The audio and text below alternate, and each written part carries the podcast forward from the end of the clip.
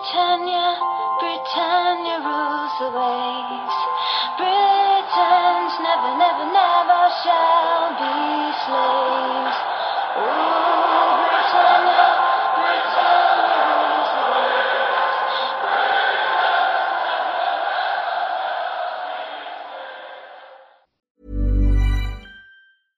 Ryan Reynolds here from Mint Mobile.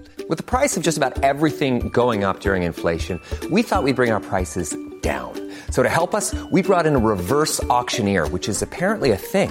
Mint Mobile unlimited premium wireless. Ready to get 30, 30, bit to get 30, bit to get 20, 20, 20, bit to get 20, 20, bit to get 15, 15, 15, 15 just 15 bucks a month. So, Give it a try at mintmobile.com slash switch. $45 up front for three months plus taxes and fees. Promo rate for new customers for limited time. Unlimited more than 40 gigabytes per month. Slows. Full terms at mintmobile.com.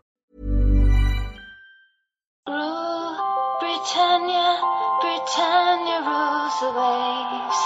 Britons never, never, never shall be slaves. Ooh, Britannia, Britannia rules the waves.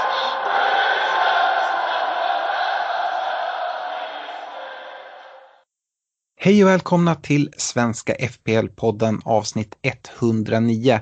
Vi ska lägga stort fokus inför Double Game Week 26 men även plocka ner Game Week 25. Vi spelar in idag tisdagen den 23 februari och agendan för dagen är att vi kör en laggenomgång. Vi kommer försöka korta ner den lite idag. Vi får se hur det går. Men tanken är att vi kommer göra lite mer djuplydande analyser längre fram. Vi kommer nämligen ha en veckans diskussion som fo- fokuserar på wildcard och jag vet att du Fredrik sitter med ett wildcard-lag och sitter och, och jobbar med lite här och det är fler som fingrar på det chippet. Vi kommer även ha veckans rekommendationer och en lite större kaptensdiskussion här inför Game Week 26 då det även är folk som inte har wildcard kvar eller som sparar det och kanske snarare siktar på en triple captain. Vi kommer avsluta med era lyssnafrågor. Stort tack till Olka Sportresor, Unisportstore.se och Glenn Sportsbar som ställer upp med de fina priserna i poddligan. Och eh, Fredrik, eh, även denna vecka klarar vi oss utan Stefan och jag sa att vi skulle vara rappa i laggenomgången men jag ser fram emot en halvtimmes genomgång för Merseyside Derbyt där Everton vinner med 2-0. Var det, var det första vinsten på 22 år på Anfield för Ja, det, det var det ju absolut. Och, och eh, det kanske var både på ett sätt väntat och tacksamt att den kom när det inte var någon publik på läktarna. Eh, jag tror att det, det här var ju en sån match där, där Liverpool verkligen hade behövt det. Eh, för att ha någon chans. Och det finns ju en, en straffdiskussion i slutet som man kan diskutera om man vill, men den blev ju i slutändan ändå inte avgörande för utgången så att vi kanske ska lämna den eh, därhän. Vi kan ju notera från Evertons del att, att eh, Calvert Lewin får en, en, eh, en fantasy assist på den. Eh, ganska tacksamt och vi kan väl börja med Everton och kika lite kort. Eh, Calvert Lewin var tillbaka, började bänken, eh, men eh, såg ganska pigg ut när han hoppade in så att nu ska han nog vara redo för att starta tänker jag. Eh, eller tror jag i alla fall. Eh, och, eh, men jag tror att hela Everton kommer att ta med sig den här vinsten och de, eh, de kliver ju in i en eh, väldigt, väldigt fin eh, eh, double game week här för dem. Så att, eh, mm, eh, Dominic Calvert-Lewin ser ju högintressant ut. Sen har du en, en, eh, en Luka Ding som är ständigt liksom hotar offensivt och också känns högintressant. Kommer, han, kommer de att möta lite sämre lag här så eh, de där inläggen som han piskar in, det kommer att, att rendera en hel del assist. Det är jag ganska övertygad om och som sagt med lite bättre matcher kan det också komma nollor. Så att eh, Din och Calvert Lewin känns ju som två superintressanta spelare från eh, Everton. Eh, de har ju blankan där i 29 men eh, i annat fall så tycker jag nog att schemat ser ganska, ser ganska smakfullt ut. Det är någon enstaka tuff match där men, men förutom blanken så, så ser schemat bra ut. Så Everton-spelare känns det ganska tryggt med att ladda upp med då, bortsett från att man behöver klara 29 Kikar vi på, på Liverpool då så fortsätter ju det här skadehelvetet med att Henderson går sönder. Eh, ja, jag vet inte vad man ska säga. Det, det gör väl caset för att ta ut, eh, om man sitter med Trent och Robertson, ännu starkare. Eh, det är ju de som är de mest ägda i försvarslinjen där och jag tycker nog att nu finns det ett, ett fullgott case att växla över dem. Det finns så mycket mer värde i dem som kostar en, en och en halv och till och med två miljoner mindre. Eh, så även om det skär i hjärtat och tar emot så försöker jag ju hålla de känslorna borta härifrån och då ska man bara se nyktert på det så då är det läge att, att växla ut Trent och Robertson om man sitter på dem nu. I övrigt så var det många andra i Liverpool som var bleka. En Mané som inte alls syns till och det är samma sak där. Sitter du kvar på honom? Jag sa det redan förra veckan. Skeppa. Det finns så otroligt mycket värde i andra spelare som är både billigare eh, och i samma prisklass. Eh, och speciellt nu när vi börjar se double game weeks då kan det bli riktigt eh, kostsamt att, att sitta kvar. Eh, Sala då, som många, väldigt många sitter på. Ja, jag kan redan nu avslöja, vi kommer ju komma till en mer uttömmande wildcard-diskussion, men jag kan redan nu avslöja att Sala finns inte ens eh, i mina tankar i mitt wildcard. Han har inte varit med i en enda tinkering-lag som jag har suttit och fingrat på.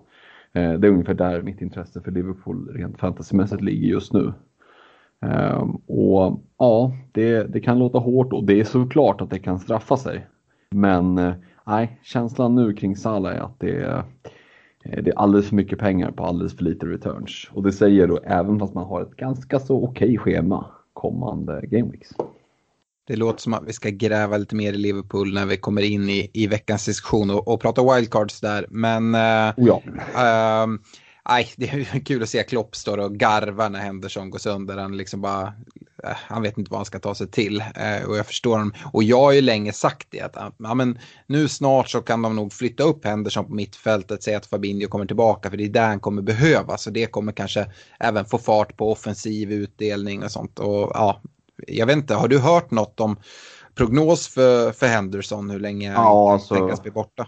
Ja, prognosen är ju typ resten av säsongen. Det var en allvarlig, it didn't look good, ja. sa, sa Klopp. Så att det, jag räknar med att han är borta resten av säsongen. Eh, kommer han hinna han tillbaka så är väl det ett plus. Men jag vet för ett par år sedan eh, när vi i sekten, i, i Liverpool fans-sekten, körde med det här liksom gebitet varje år att nästa säsong, nästa mm. säsong, då kommer det. Det känns som att vi är lite tillbaka i det nu, att det, det är det när man hör i Liverpool-kretsar, det är nästa säsong, då jävlar. Vad, nu är det ju lite så här, vi skulle vara rappa här i, i genomgången, men jag drar ju mig gärna kvar i den här matchen, jag ber om ursäkt för det. Men alltså hur, hur ser du på chanserna för en topp 4-placering? Jag menar, nu är det ganska tufft där uppe. Det är flera lag som, som ändå tycker jag börjar, börjar ticka igång. Både väntade lag som eh, är med där uppe men även de här, ja, men som sagt Everton, bra schema och de rullar på och har någon match i händerna och eh, West Ham ser ju faktiskt väldigt fina ut och nu vänder ju deras spelschema något men ja, vad, vad ger du för chanser? Ja, som det känns nu så känns det ju lite 50-50 också. Det är ju så lite tveeggat då när man ser ut att gå bra i, i Champions League att det hänger med också jag tycker att det är ett stort problem nu har varit på slutet att man har sett ganska ointresserad ut. Eh, det känns ju som att spelarna har förstått att okej, okay, det blir ingen titel den här säsongen. Nu ska vi kämpa för något sånt här liksom abstrakt som topp fyra. Det, det, kunde man ju göra för ett, för ett antal år sedan när Klopp kom in. Då var det ett ganska konkret mål. Liksom, man har fått spela Champions League, men nu har man vunnit Champions League, man har vunnit Premier League. Alltså då sätter man målet att komma topp topp fyra, det liksom blir ju som att en annan ska gå ut och käka middag på restaurang och bara, ah, men vad är du sugen på? Någonting att äta? Jo, men lite mer specifikt kanske. Eh, det blir lite samma här att, och, och jag tror att det, det sänker spelarnas motivation tillräckligt mycket. Inte jättemycket, men tillräckligt mycket för att det ska bli liksom en märkbar skillnad. Ja, domedagsprofeten säger ändå att det kan vara ganska viktigt att ta den där topp 4-platsen. För jag kan, jag tycker, ser inte allt det som omöjligt att uh, spelare som Mané och Salah och sådär kanske mycket väl kikar på uh, dra vidare om det inte blir något Champions League-spel uh, nästa säsong exempelvis. Ja, men så kan det vara. Så kan det vara. vi ska dock säga det att ni hade ju ett väldigt fint Eh, första möte i Champions League där ni tar en bra skalp 2-0 eh, borta mot Leipzig. Eh, så det har ni i alla fall med er för vidare in i Champions League. Se om ni ror i, land där. Det ska man göra men det känns som fel läge att liksom ta ut något i förskott. Ja. Jag tänkte gå vidare med Arsenal City. En historia där Sterling gör mål i första minuten och sen så ja, eh, Eh, ganska stabilt håller City rätt tycker jag. Även fast Arsenal ja, gör det helt okej okay, så hotar de aldrig riktigt. Eh, City, vi börjar där, vi får se ett kärt återseende av Kevin De Bruyne och även en Gündogan som, som kommer till spel efter eh, lite skadekänningar. Eh, jag konstaterar egentligen att Gündogan verkar ha en ja, samma, samma roll där i sin nummer åtta roll eh, i City även fast De Bruyne är tillbaka. Och eh, det såg vi faktiskt även innan De Bruyne gick sönder så att de som var oroliga för det behöver kanske inte vara det allt för mycket just i den här matchen så startar i alla fall Kevin De Bruyne som någon form av falsk nia. Sen, jag vet inte, det är så svårt med City, de flyter omkring i sina positioner. Det känns lite som att ibland är Gündogan där i någon falsk nia-roll och ibland så är Bernardo Silva och ibland De Bruyne om man ser liksom över 90 minuter. Um, ja, så jag tycker det är svårt att säga, men uh, att Gündogan och Kevin De Bruyne har offensiva roller, det kan vi nog i alla fall konstatera och jag tror att det är något vi kommer fortsätta se.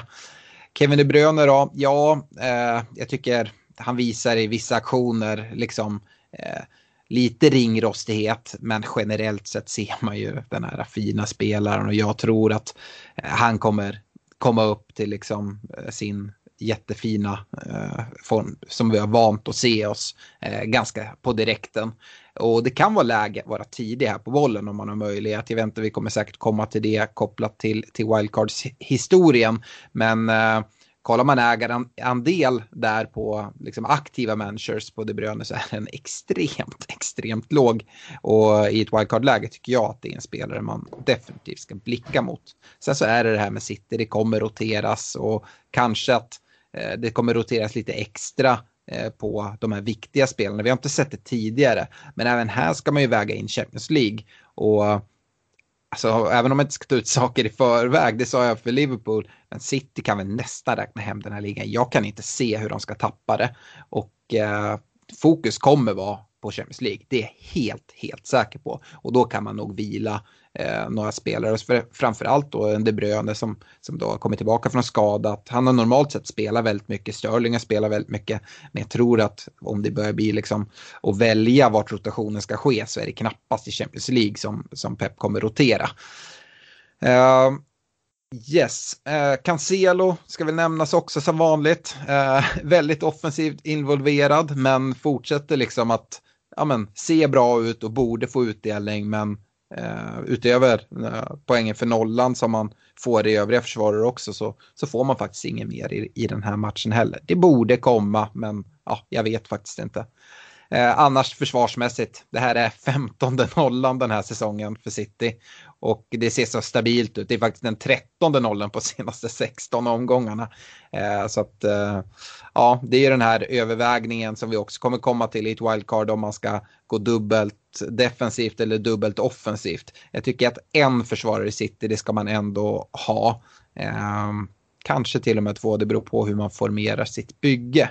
Eh, Arsenal, ja, det är ett blandat schema. Eh, de har match i Game Week 29 borta mot West Ham.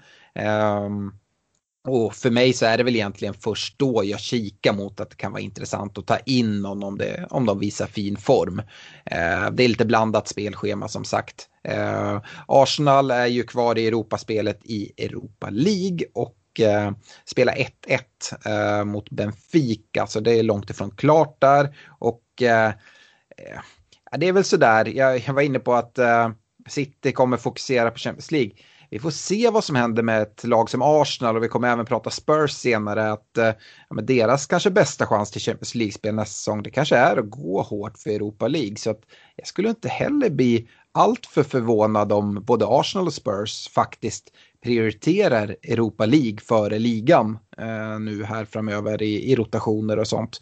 Eh, ja, eh, om man ser till, till Arsenal så är ju inte en att gå vidare från Benfica klart på något sätt efter 1-1 och då kanske man måste gå med mer eller mindre ordinarie lag här mot, uh, mot dem i returen. Så uh, ja, vi, vi får se hur lottningen blir här framåt. Men annars har inte jag så mycket mer att säga om Arsenal. Så eh, Fredrik, du kan få prata lite Villa Leicester och Leicester vinner där med, med 2-1. Mm, de gör ju det och det är ju eh, smickrande siffror för Aston Villa får man väl ändå säga för att det här var ju en överkörning eh, utan dess like. Jag tror faktiskt inte att Aston Villa har blivit så här överkörda den här säsongen. Inte vad jag kan minnas i alla fall. Det kändes som att de var totalt pulveriserade. Eh, och det är lite oroväckande för oss som nu blickar mot att liksom fylla upp med två eller tre villaspelare att de såg så bleka ut. Man kommer ju tillbaka lite grann men mm, eh, tappar man så mycket av att, av att inte ha med Graylish, ja det, det känns oroväckande helt klart. Eh, vi, även om, vi måste ju nämna det här att eh, eh Matt Target, eh, och så var det väl någon, ytterligare någon läkare där i Aston Villa som bytte ut Jack Grealish i sitt egna fantasylag. Eh, och det här snappades ju upp av, av, eh, av hela liksom FBL-communityt. Eh, så att det, alla var, det var ju liksom allmän kännedom att Grealish var skadad så det kom ju bara som ett brev på posten liksom, att, att han var skadad. Eh, och som jag förstod det så har eh, Aston Villa nu förbjudit eh, spelare och ledare att spela fantasy. Eh, just för att de ska undvika sådana här typer av läckor. Eh, så att, ja, vi får se eh, vad som fortskrider där. Men det är ju inte första gången under säsongen vi, vi ser den här typen av eh, av liksom läcka på det sättet. Vi hade ju det med Robertson och Mané och Mm. för ett antal omgångar sedan. Eh, men eh, ja, det, är ju, det är ju lite komiskt, det går ju inte annat än att skratta åt det.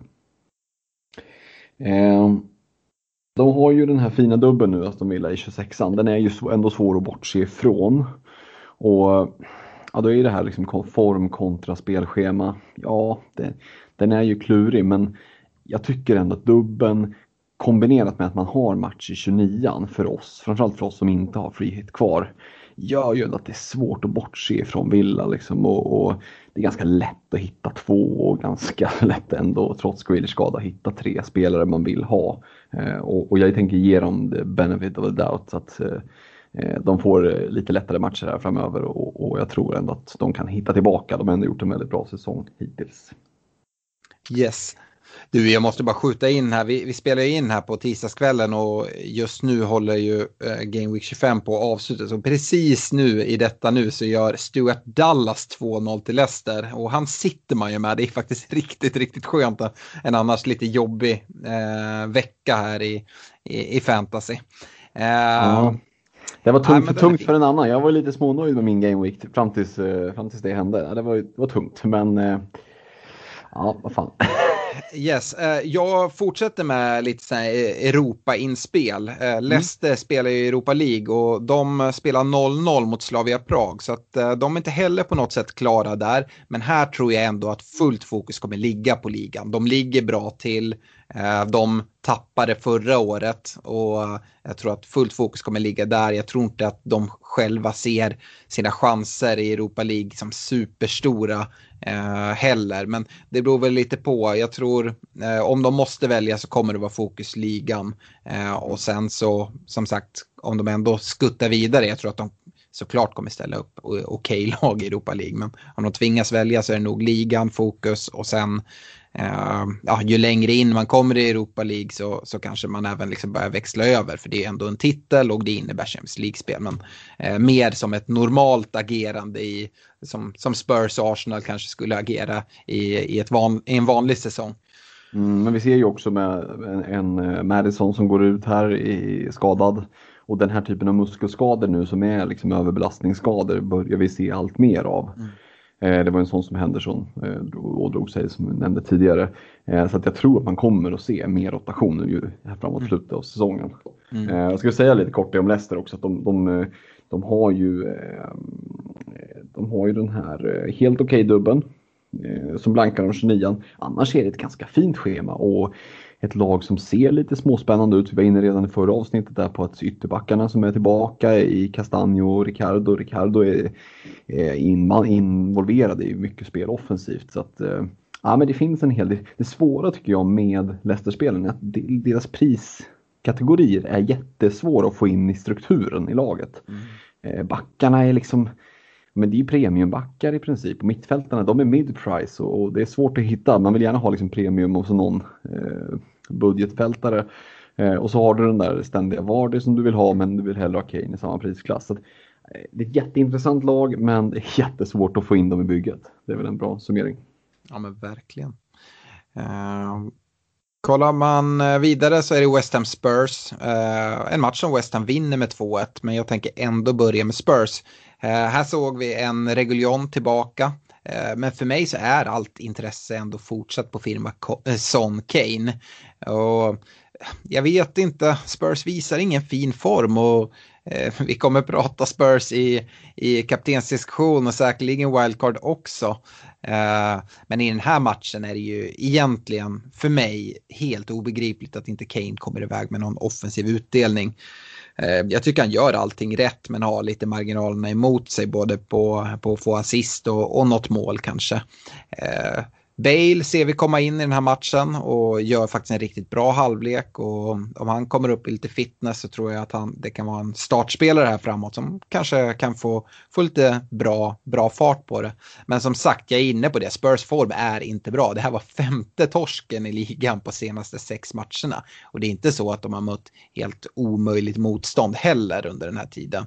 Så ah, tveksam form. Eh, I Europa League ser det däremot bättre ut. De, de vann med 4-1 mot Wolfsburg. Så jag tror att eh, fokus och Spurs faktiskt kommer att ligga på, de har en eh, ligacupfinal eh, här framåt mot, mot City. Och sen så som sagt i Europa League. Så att eh, jag tror att eh, kampen om topp fyra, ja visst, det finns väl en möjlighet att eh, smita in där, men det kommer bli tufft och därför är nog bästa Champions League-chansen att eh, helt enkelt vinna Europa League.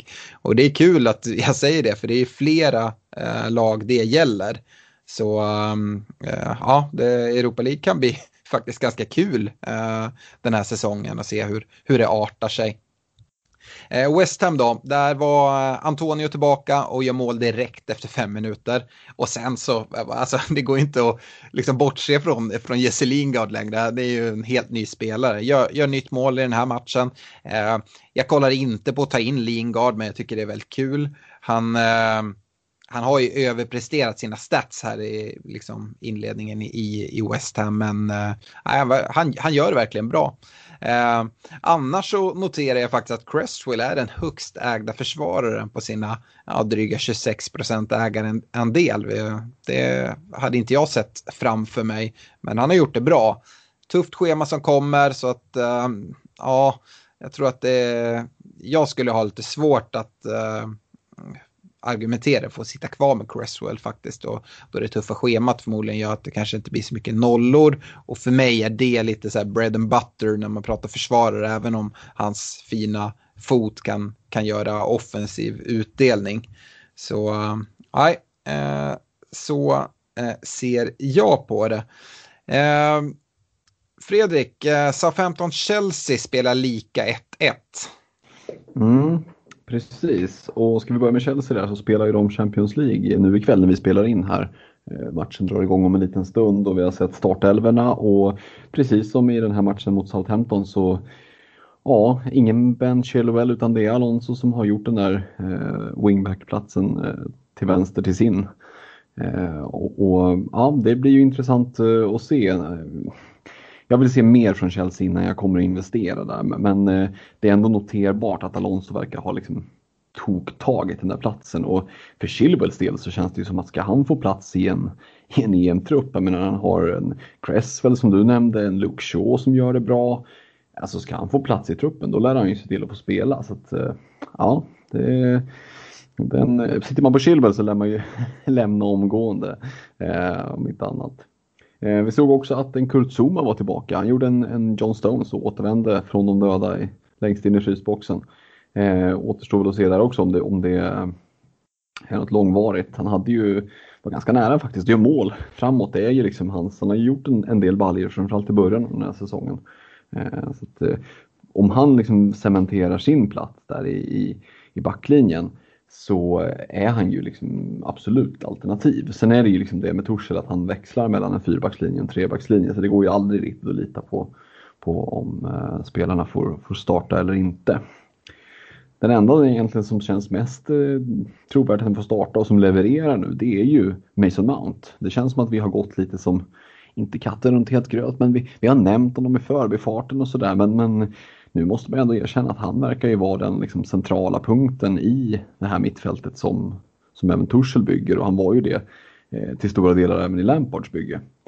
Eh, så att, eh, nej men Mason Mount, så, återigen en ganska knepig priskategori och sådär, liksom mid-price men eh, Ja, det är där spaningarna som låg på Pulisic tidigare har ju flyttats nu och ligger ju definitivt på Mason Mount. Eh, så återstår att se om, om det blir någon investering i Chelsea framöver. Eh, kikar vi på Southampton, ja de spelar ju som sagt under tiden vi spelar in och det är ju hellre än bra man gör det. Eh, sex raka torsk och så hade de en oavgjord senast och det här ser ut att bli dyngtorsk. Eh, det här också. Nej, det, det, klickar inte alls för Southampton. Eh, Visst, de har haft en del försvarare som har gjort det bra, framförallt i början av säsongen när vi pratade om Europaplatser och sådär. Nu är Walker Peters skadad men en Westergaard och en del hade investerat i Bednarek och så. Men nej, jag vet inte. Jag känner mig inte lockad där. Utan det har ju varit framförallt framåt och då har det varit en Danny Ings som har känts väldigt liksom given och sådär och då är han ju såklart bänkad eh, i dagens match mot Leeds. Eh, nu fick han göra ett inhopp här men jag tycker att det också kanske ger lite signaler, lite det som vi var inne på förut, det här med att ja, men muskelskador kommer allt mer. Jag tror att vi kommer få se ökad rotation och det är någonting som jag tar höjd för när jag sätter mitt wildcard-lag. Att, eh, ehm, det, det, det kom, man kommer att, att behöva nyttja sin bänk oftare nu, eh, sista tredjedelen, än vad man har gjort de två första tredjedelarna. Det är i alla fall min teori. Yes. Eh, jag går vidare med United Newcastle, en match United vinner med 3-1. Men det är ändå en ganska svag insats för United där resultatet är lite, lite väl smickrande, eh, tycker jag. Eh, Bruno som vanligt med, med poäng, även fast även han ser lite blekare ut. Med det sagt så är det 1 plus 1 och 3 bonus och 12 pinnar in på kontot. Så att ja, men han är en sån spelare. Jag vet att eh, folk kollar på i wildcards och sånt där att ja, men jag måste eh, få råd att få in liksom Kevin De Bruyne och eh, Kane och sån och flera premiumalternativ. Jag har faktiskt sett vissa som då överväger att gå utan eh, Bruno. Jag skulle aldrig våga göra det. Men eh, ni som gör det, ja, lycka till säger jag. Eh, du nämnde att du gick utan Sala eh, och jag hade nog hellre gjort det. Eh, även fast jag tycker att det finns case för att även sitta kvar med Salah. Eh, men det kommer vi till senare. Om vi fortsätter med United så äntligen nu då så fick vi se Rashford från vänstern. Eh, som jag har sagt, det är där han ska spela och det är då han är bra. Och han har ju fullständig lekstuga och skickar upp eh, eh, Emil Kraft på läktaren och, och köper lite korv och, och gör det ett, en kasse där. Dessutom löser han en straff och får en fantasy-ass. Eh, så Rashford såg väldigt fin ut. Eh, bara hoppas att, han, att Solskjaer fortsätter spela han ut, ute till vänster. Och ehm, eh, ja, det, det, som, det som är är ju att ehm, United fortsätter sätta, släppa in mål mot de här sämre lagen. Defensiven, det är svårt att börja argumentera för att investera i utöver Luke Shaw och det är ju inte på grund av defensiven utan han ser fortsatt fin ut.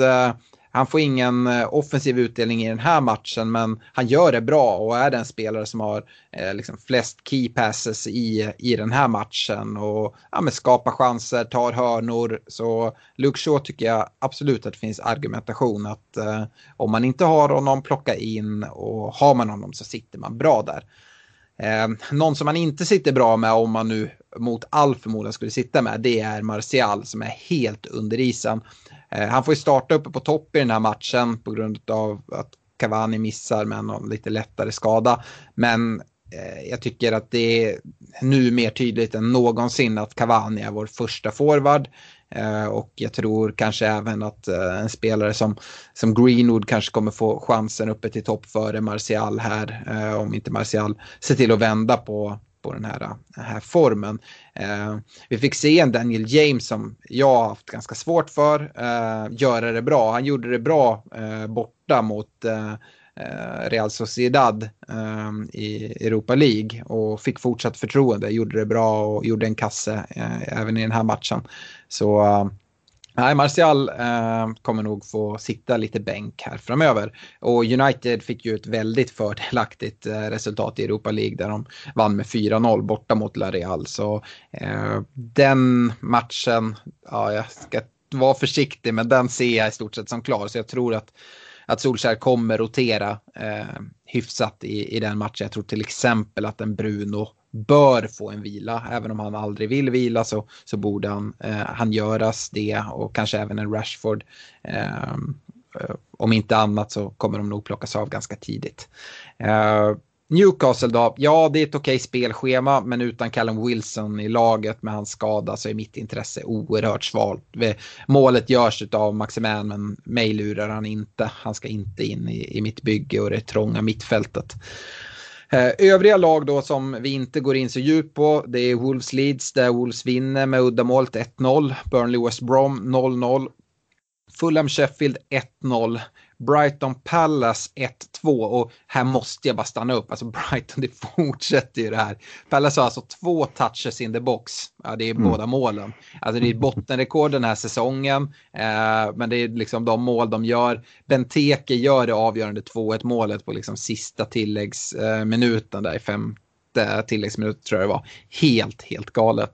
Eh, och sen har vi den här matchen som precis håller på att lida mot sitt slut nu, alltså den dubbelmatch som är Leeds av 15 och här i, i slutsekunden när vi är inne på tilläggstid så står det 3-0 till Leeds. Så vi eh, gnuggar eh, händerna, vi ser mål från Dallas, Rafinha och Bamford, eh, alla tre i mitt bygge. Eh, så det tackar vi för. Och eh, hoppas att eh, nollan håller här för Dallas även på tilläggstiden. Eh, annars tycker jag inte det finns någon anledning att stanna kvar vid de här lagen. Eller vill, vill du göra gör någon kort dragning? Nej, men jag har inte så mycket mer att tillägga där faktiskt. Nej. Eh, då hoppar vi in i veckans diskussion och eh, eventuellt så finns det någonting att säga där om något av de här lagen men kanske framförallt på i de lag som vi har gått igenom i laggenomgången. Och eh, som jag nämnde i, i starten Fredrik så jag drog ju mitt wildcard i här i Game Week 25 men du eh, drar här till 26an så det ska bli intressant att, att höra dina tankar. Jag tänkte upplägget för det här kan vara att eh, du får berätta lite hur, hur du har tagit ut laget och eh, spelare som har fallit på målsnöret och lite andra intressanta val du har gjort så ska jag eh, skjuta ner dina val alternativt eh, säga att du har gjort det väldigt bra och tagit ut ett lag precis som mitt lag i, i 25an. Ja men precis. Eh, nej men, eh, det är ju alltid kul att trycka av ett wildcard. Eh, även om det kan vara lite ångestladdat så är det ju just att sitta och fingra liksom, det är ju eh, det närmsta vi kommer det här inför säsongen att liksom sitta och laborera eh, och just att kunna byta Byta spelare är ju en sak men också kunna byta struktur i laget. Eh, kanske framförallt om man sitter liksom med någon riktigt billig som gör att man är lite låst till, till två anfallare till exempel.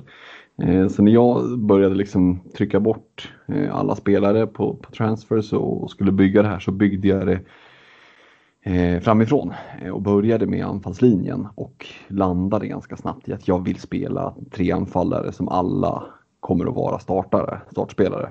Vi kan väl eh, skjuta in det också Fredrik, förlåt att jag avbryter. Du har ju mm -hmm. inte free hit kvar så du behöver ju ha Game Week 29 i åtanke. Ja, precis. Eh, jag har triple captain och, och det här wildcardet som jag drog av kvar. Så ingen bench boost att fundera på och inte heller då frihet och det är framförallt friheten där för, för 29an. Så det, mitt lag är ju till viss del, eh, ja, till, till, till hyfsat stor del ändå liksom eh, rustat för att klara eh, Game Week 29. Men, eh, och det är även då rustat för den här double game weeken. Eh, men så har jag försökt liksom att se bortom de två omgångarna också. Det är någonstans är det ändå att eh, du ska bygga ett lag som du ska sitta med Eh, resten av säsongen. Så det måste ju ändå vara spelare liksom som, som jag kan tänka mig att ha. Eh, I alla fall överhängande. Sen kan man ju ha någon enstaka sån här chansning. Men, men, eh, nej, men tanken som sagt var tre, tre anfallare och det är ju spännande att i, jag har gjort många olika lag nu och liksom bytt och fingrat och sådär. Men jag tror faktiskt att de tre anfallarna har sett likadana ut i princip i alla. Så det har ju liksom gjort att sannolikheten att jag kommer att ändra de tre nu känns väldigt, väldigt låg. Eh, och det är en Harry Kane, det är en Ollie Watkins och det är en Dominic Calvert-Lewin. Vad eh, kul! Jag, jag, eh, jag har inte sett ditt wildcard-lag, men jag sitter här nu eftersom jag ska kunna såga ner, såga ner det lite så skriver jag ner lite uh, vilka namn du nämner. Och innan du sa något skrev jag så här, hade jag dragit det nu hade jag tagit Kane Watkins, Calvert Lewin. Så jag skrev ja. ner dem på chans här. Så att, uh, ja, 100% hittills. Ja, men det, det, det kändes ganska givet. Det, det, krävs ingen större förklaring. Harry Kane, man har liksom både Kane och Watkins sitter på dubbel i 26an och matcher i 29an. De känns ju givna. Eh, och Calvert Lewin har kanske den finaste dubben av alla skulle jag nog säga. Eh, man möter ett eh, helt uruselt Southampton och ett liksom West Brom som ja, inte är sådär jättebra. Ehm, så att, eh, nej men den trean känns ganska given. Mittfältet däremot, där har jag liksom laborerat lite och nu är det ju lite sådär med Jack Grealish, kommer han att vara tillbaka eller inte? Och jag såg något uttalande från Dean Smith där att ja men om jag känner honom rätt så jobbar han tillbaka ganska snart och ja, fan det kan ju betyda vad som helst. Det kan ju betyda att han startar nästa match och det kan betyda att han missar hela Game Week 26. Eh, så där är man väl inte jättesugen på att ta risken. Ehm, utan det får bli eh, ett mittfält bestående av eh, Jongmin Son, Kevin De Bruyne, Bruno, Gündogan och Emil Smith Rowe. Vad roligt, jag hade ju skrivit även här. Eh, ja. Och eh, jag hade de fyra som jag tror att du kommer starta med. De Bruyne, Son, Bruno och Gündogan. Eh, den mm. femte platsen har jag inte skrivit någonting eftersom att jag antog att du skulle spela dina tre anfallare och då blir det en, ja, men, en lite billigare eh, spelare förmodligen som eh, ska eh, gärna ha match i, i 29 och det har ju Arsenal. Ja men precis och där har jag laborerat lite med antingen Bakayo Saka eller Smith Rowe. Mm. och den miljonen som de skiljer sig i pris eh, läggs ju då på backlinjen. Eh, mm. jag har inte riktigt bestämt, det kan bli så att jag håller in Saka som är eh, som är en bättre spelare och kanske lite ja. större chans till start. Å andra sidan så tror jag, precis som du var inne på, att Arsenal kan gå hårt för Europaspelet. Och, så att, och Saka har ju under säsongen vilats lite till och från sådär. Så att, mm, eh, då kanske det liksom är värt att chansa på en Smith Rowe. Nu, nu satt han ju bänk här senast men eh, Eh, det är ju på å andra sidan väldigt, väldigt eh, billigt. Han ligger på 4,3. Eh, ja. Så det, det öppnar ju upp för en backlinje eh, som består av eh, Cancelo, Luke Shaw, Matt Target, eh, Dunk och sen så är det sista positionen där och med Smith Rowe så blir den sista positionen Dallas i Leeds. Mm. Eh, byter jag till Saka då blir Dallas, eh, han blir, vad heter han nu då? White i Brighton. Mm. Så att, eh, mm, vad hade du skrivit ner där då? Nej, jag hade inte skrivit någonting, eh, för jag hade inte skrivit något före, så att jag sitter och skriver just nu, så jag hann inte mm. riktigt med att förbereda min, min försvarslinje. Eh, Men jag hade väl gissat på en eh, en City-försvarare lite beroende på budget om man eh, sitter med Cancelo och har honom sedan tidigare eller om man går på en eh, mm. Ben Sto eller Stones som man har suttit med. Eh, jag gillar ju eh, Louis Dunk så att, eh, det förstår jag. Eh, sen har det gått på target. Eh, jag vet inte om du har dubblat upp där. An jag antar att Martinez står i kassan nämligen. Mm, ja, Martinez och sen Fabri som backup keeper. Så, men det är ju Martinez som kommer spela. Ja. Eh, så att i dagsläget är det tre. Och det var också lite så här, ska jag ha target och, och, och belasta ut alla tre eh, villaplatser? För då om det är så att Grealish kommer tillbaka och börjar leverera, då är det lite svårare att få in honom. Men Ja, det är, det är både det och sen så Villas lite sviktande form då som, som man kanske kan fundera om man verkligen ska ha alla tre platserna fyllda. Ja, men så är det ju. Men, men det som väger över där är ju någonstans liksom det som ger dem the benefit of the doubt det är ju att de har match i eh, 29 ändå. Mm. Eh, och, och, med det här laget så sitter jag med en startelva nu i, i 26an med Martinez i mål, med Luke Shaw, Cancelo, Target som trebackslinje, Gündogan, Bruno, De Bruyne, Son i ett fyramannamittfält och Kane, Watkins, Calvin Lewin. Och då, de har all, alla 11 dubbelmatcher i 26an. Ja, det, det stämmer bra det. Uh, ja, jag tycker det är ett bra bygge. Uh, har du några pengar på banken med det här? Ja, vi ska se. Nu måste jag tjuvkolla. Mm. ja, 0,5. Mm. Ja, men det är ändå hyfsat. Uh, det är ganska sällan man, man sitter med dem. Uh, ja, men precis. Och av, av 15 spelare så är det 8 som har match i 29an. Så att, mm. Och jag har tre, byte, tre, tre fria byten att göra. Eh, så att jag har, kommer ändå inför 29 att sitta liksom med en slag färdig, liksom 11 mm. eh, i alla fall. Och sen om det blir 10 spelare eller 11, det, det är som sagt det kanske inte är där eh, fokuset ligger utan det handlar ju mer om vilka spelare. Men det är lite därför också landar i att ha Kane, Son, sitta på, på Watkins och, och då få en target också för att jag tror någonstans att det är eh, alltså Villa och Spurs även om de eh, eh även om de möter varandra så är det liksom två av de bättre lagen som faktiskt spelar i, i 29 en ganska en öppen historia också. Det är svårt att säga hur den ska gå i, i Game Week 29. För att som mm. sagt, eh, både Villa och Spurs form går ju att sätta lite frågetecken för. Uh, Martinez vet vi kan ju bara bestämma sig för att idag släpper jag inte in några mål. Uh, men Kane kan ju också bestämma sig för att han ska, ska göra mål. Så det, det, är en bit fram också, så det beror lite på hur, hur det kommer se ut då. Det kan ju vara så att formen har vänt för något av lagen.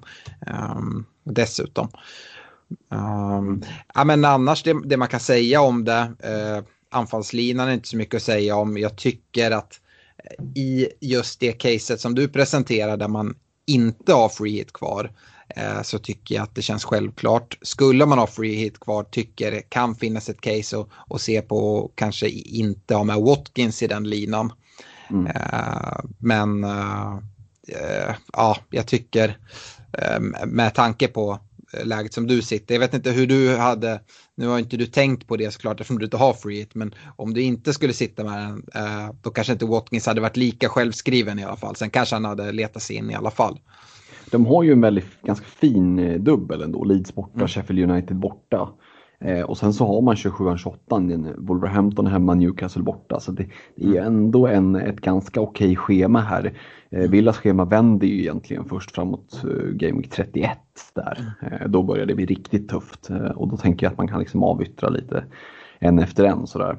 Mm. Eh, så att jag tror nog kanske att Watkins, ja det är klart man hade kanske sneglat lite mer på, på någon annan men det finns inte jättemycket anfallare som, som levererar och som har det där schemat. Och, och när de, det är väldigt mycket anfallare som, som är uppe i liksom premiumprisklassen och som jag inte riktigt tycker eh, levererar för det. För det som sagt, jag har ju suttit och laborerat och när jag var inne på tidigare, en Mohamed Salah fanns inte med här och, och har inte funnits med i så mycket tinkringbyggen och det finns liksom helt enkelt inte plats för honom. Eh, jag har fyra premiumspelare kan man väl ändå säga om man räknar med en sån där och det är liksom Kane, Son, De Bruyne, Bruno. Eh, ska jag vara helt ärlig, jag tror att jag ligger närmare att ha Sterling än Salah. Eh, mm. Om jag skulle byta ut någon här. Men det Bruyne som du var inne på kändes ju given att kliva in på nu. Sitter man på wildcard tycker jag att man har liksom ett gyllene läge att vara tidig på tåget. Eh, sen eh, eh, återstår det att se, det kanske är liksom för en gångs skull, vi kommer aldrig mer säga det här, men det kanske är lite mer safe att gå på Sterling än De Bruyne mm. just nu. Men eh, jag tycker det känns rätt ändå att kliva in De Bruyne. Bruno känns given, förmodligen den mest givna i hela laget. Eh, och sen handlar ju Son Kane lite om att de har ju tappat lite i, eh, i ägarandel, även om de fortfarande har höga ägarandelar. Eh, de ligger vi på 50 respektive 27 eller någonting. Eh, men just att dubbla på dem och får man då leverans, jag menar, okej, okay, de, de ser ruttna ut men Burnley hemma, fullen borta, alltså det, det kan ju smälla till. Mm. Och jag tror Mourinho kan känna lite nu också att det, det börjar ryktas mycket om Nagelsmann. Eh, det kan ju vara så att han tänker att vad fan, nu ger vi det här ett försök. Eh, eller så försöker han defensa, sig ur det. Liksom. Men, men det vore ju gött om han gick all out attack och, och lät Son och Kane ha lekstuga. Ja, den Mourinho jag känner han ska bromsa sig ur den här krisen tror jag.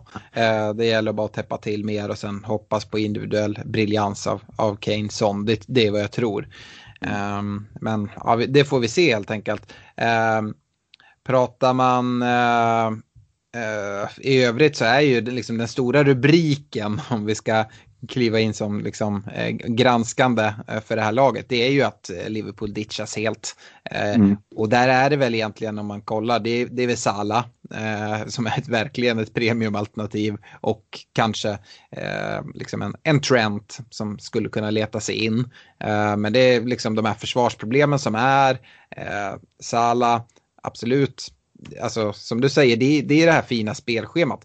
Trent har ju faktiskt eh, statistik som säger att det även för han borde kunna komma. Men det, det är priset även där. Alltså jag, jag förstår eh, ditt resonemang.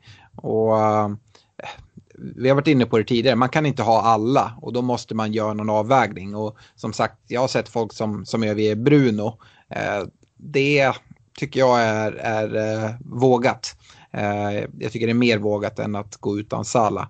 Eh, men det är klart att det liksom kan, kan bita en och, skulle det ticka igång för, för Liverpool så kanske du vill in där och då är det ganska svårt att liksom få in de här spelarna som, som vi pratar om. Eh, ja men, ja, men så är det ju. Men känslan för mig är ändå att jag grämer mig liksom mer över att jag inte får in en Harvey Barnes och, och en Ricardo Pereira och en uh, Luca Digne snarare än, än Trent och Salah. Det, det är mm. lite där känslan är just nu och då kan man säga att ja, det är bara för att du är liksom lack på att Liverpool har torskat så jävla mycket matcher. Men just i mitt fantasy-tänk så brukar jag kunna hålla isär ändå liksom supporterkänslorna kontra managerkänslorna. Det, det är annat som gör att det inte går bättre än vad det gör. Men ja, och eh. du, du kan nog ändå glädjas om, om, om Salah gör ett mål. Ja, eh, sådär, eh, med dina känslor för Liverpool. Mm. Men det var nästa grej för att som sagt, du har inte, inte Liverpool, du har heller inte klivit på Leicester-tåget. Nej, jag har ju inte det och där är det egentligen lite det som jag var inne på i matchen en gång, att det är lite svårt att liksom knö in dem. Den som är närmst att komma in är väl egentligen Ricardo Pereira. Um, det skulle liksom kunna gå att eh, uppgradera Dallas till en Pereira och sen kanske antingen ta ner en Target eller Dunk till någon av de lite billigare Brighton-backarna. Men det, det blir lite för många rotationer kan jag känna. Eh, men det kan vara så att jag, att jag landar i det också. Mm. Ehm, eh, för det, det hade jag gärna sett en, en Pereira i det här laget. Mm. Uh, nu har jag inte liksom exakt ditt lag och, och med budget framför mig men uh, till exempel jag hade absolut kunnat nöja mig med att, att gå dubbelt i Villa. Alltså ta ut taget och göra han till Pereira. Eh, ta bort Dank och göra han till White för jag tycker att visst, Dank har lite högre eh, poängtak men det är egentligen nollorna i Brighton man vill åt uh, mm. och det erbjuder White och jag ser egentligen inte att White ska rotera speciellt mycket. Um, så ja. Ja, men det, där, det är liksom det, den ändringen som jag skulle mm. säga att jag ligger närmast där tillsammans med eventuellt att gå, gå över på, på Saka istället för Smith Rowe. Men nej, Ricardo såg ju liksom mm. intressant ut och, och med, med, fina schemat där också här nu så, så är det det liksom att, att fundera på. Men samtidigt Ja, det, det, är en avvägning. Eh, men jag är ändå inne på det finliret. Men jag tror att övriga trupperna satt sig. Jag var inne på liksom och pillade på Luke Shaw där ett tag. Man skulle ta bort honom. Eh, men jag tycker att han erbjuder ett bra värde för, det, för den pengen. Eh, mm. Så att, mm, nej, det, Leicester är det som stör mig mest faktiskt. Mm. Apropå just det här att uh, hålla på och fingra och så här. Du har inte fingrat någonting på att gå två City-försvarare och en offensiv City eller har det hela tiden varit med, med det här? Jag menar det skulle ju kunna vara ett sätt att få in en, en spelare som Barnes i Leicester till exempel uh, eller så.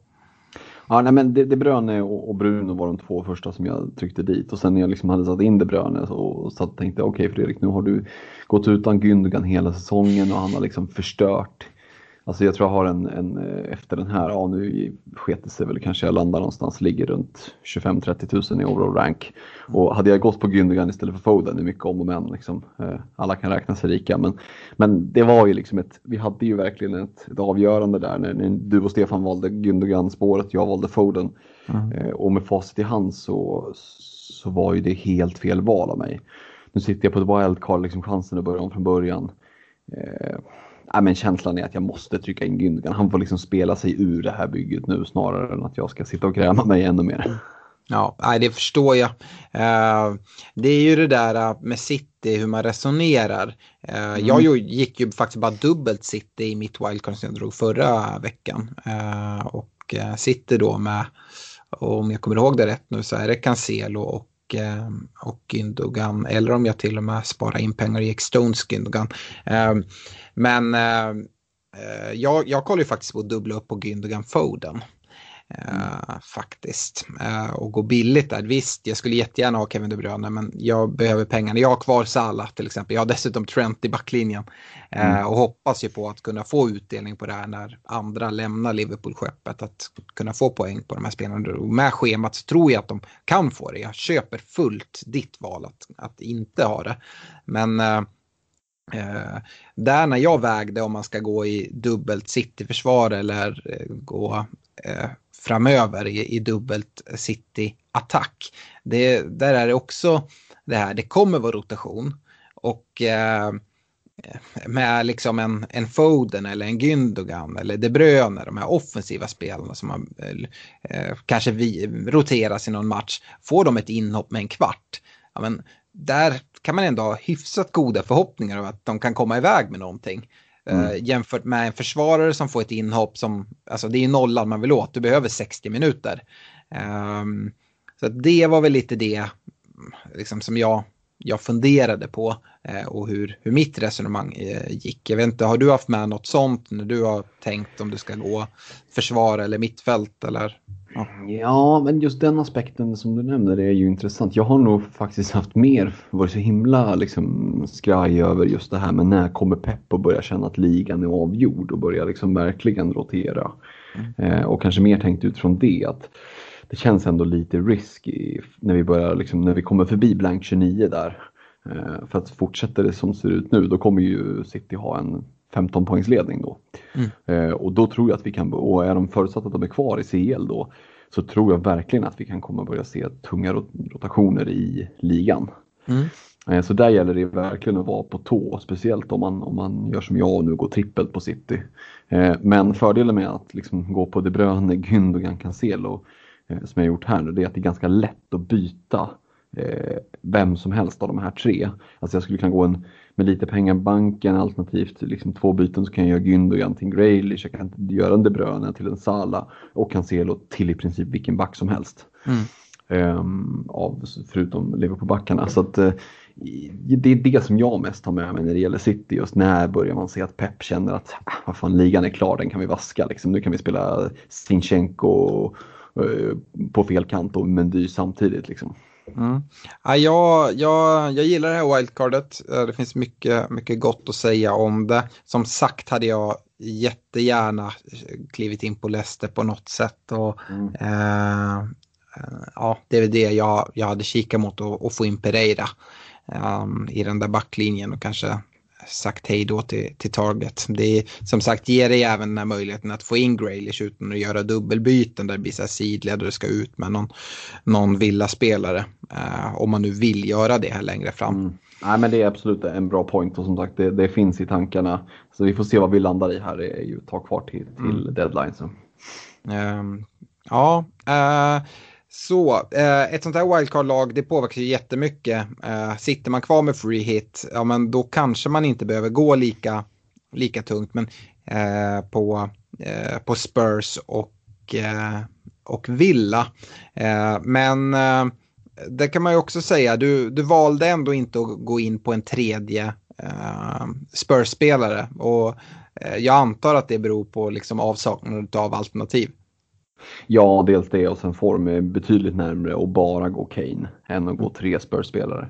Mm. Det, det, vi såg att Reguljon var tillbaka, han är väl den enda egentligen under säsongen som har liksom kunnat närma sig. Men Spurs ytterbackar roterar så pass mycket att nej, det är som sagt jag är närmare att bara gå Kane och lämna Son. Ja. Eh, var ju inne ett på att spela Graylish istället för Son. Eh, få mm. loss pengar och kunna spela fler.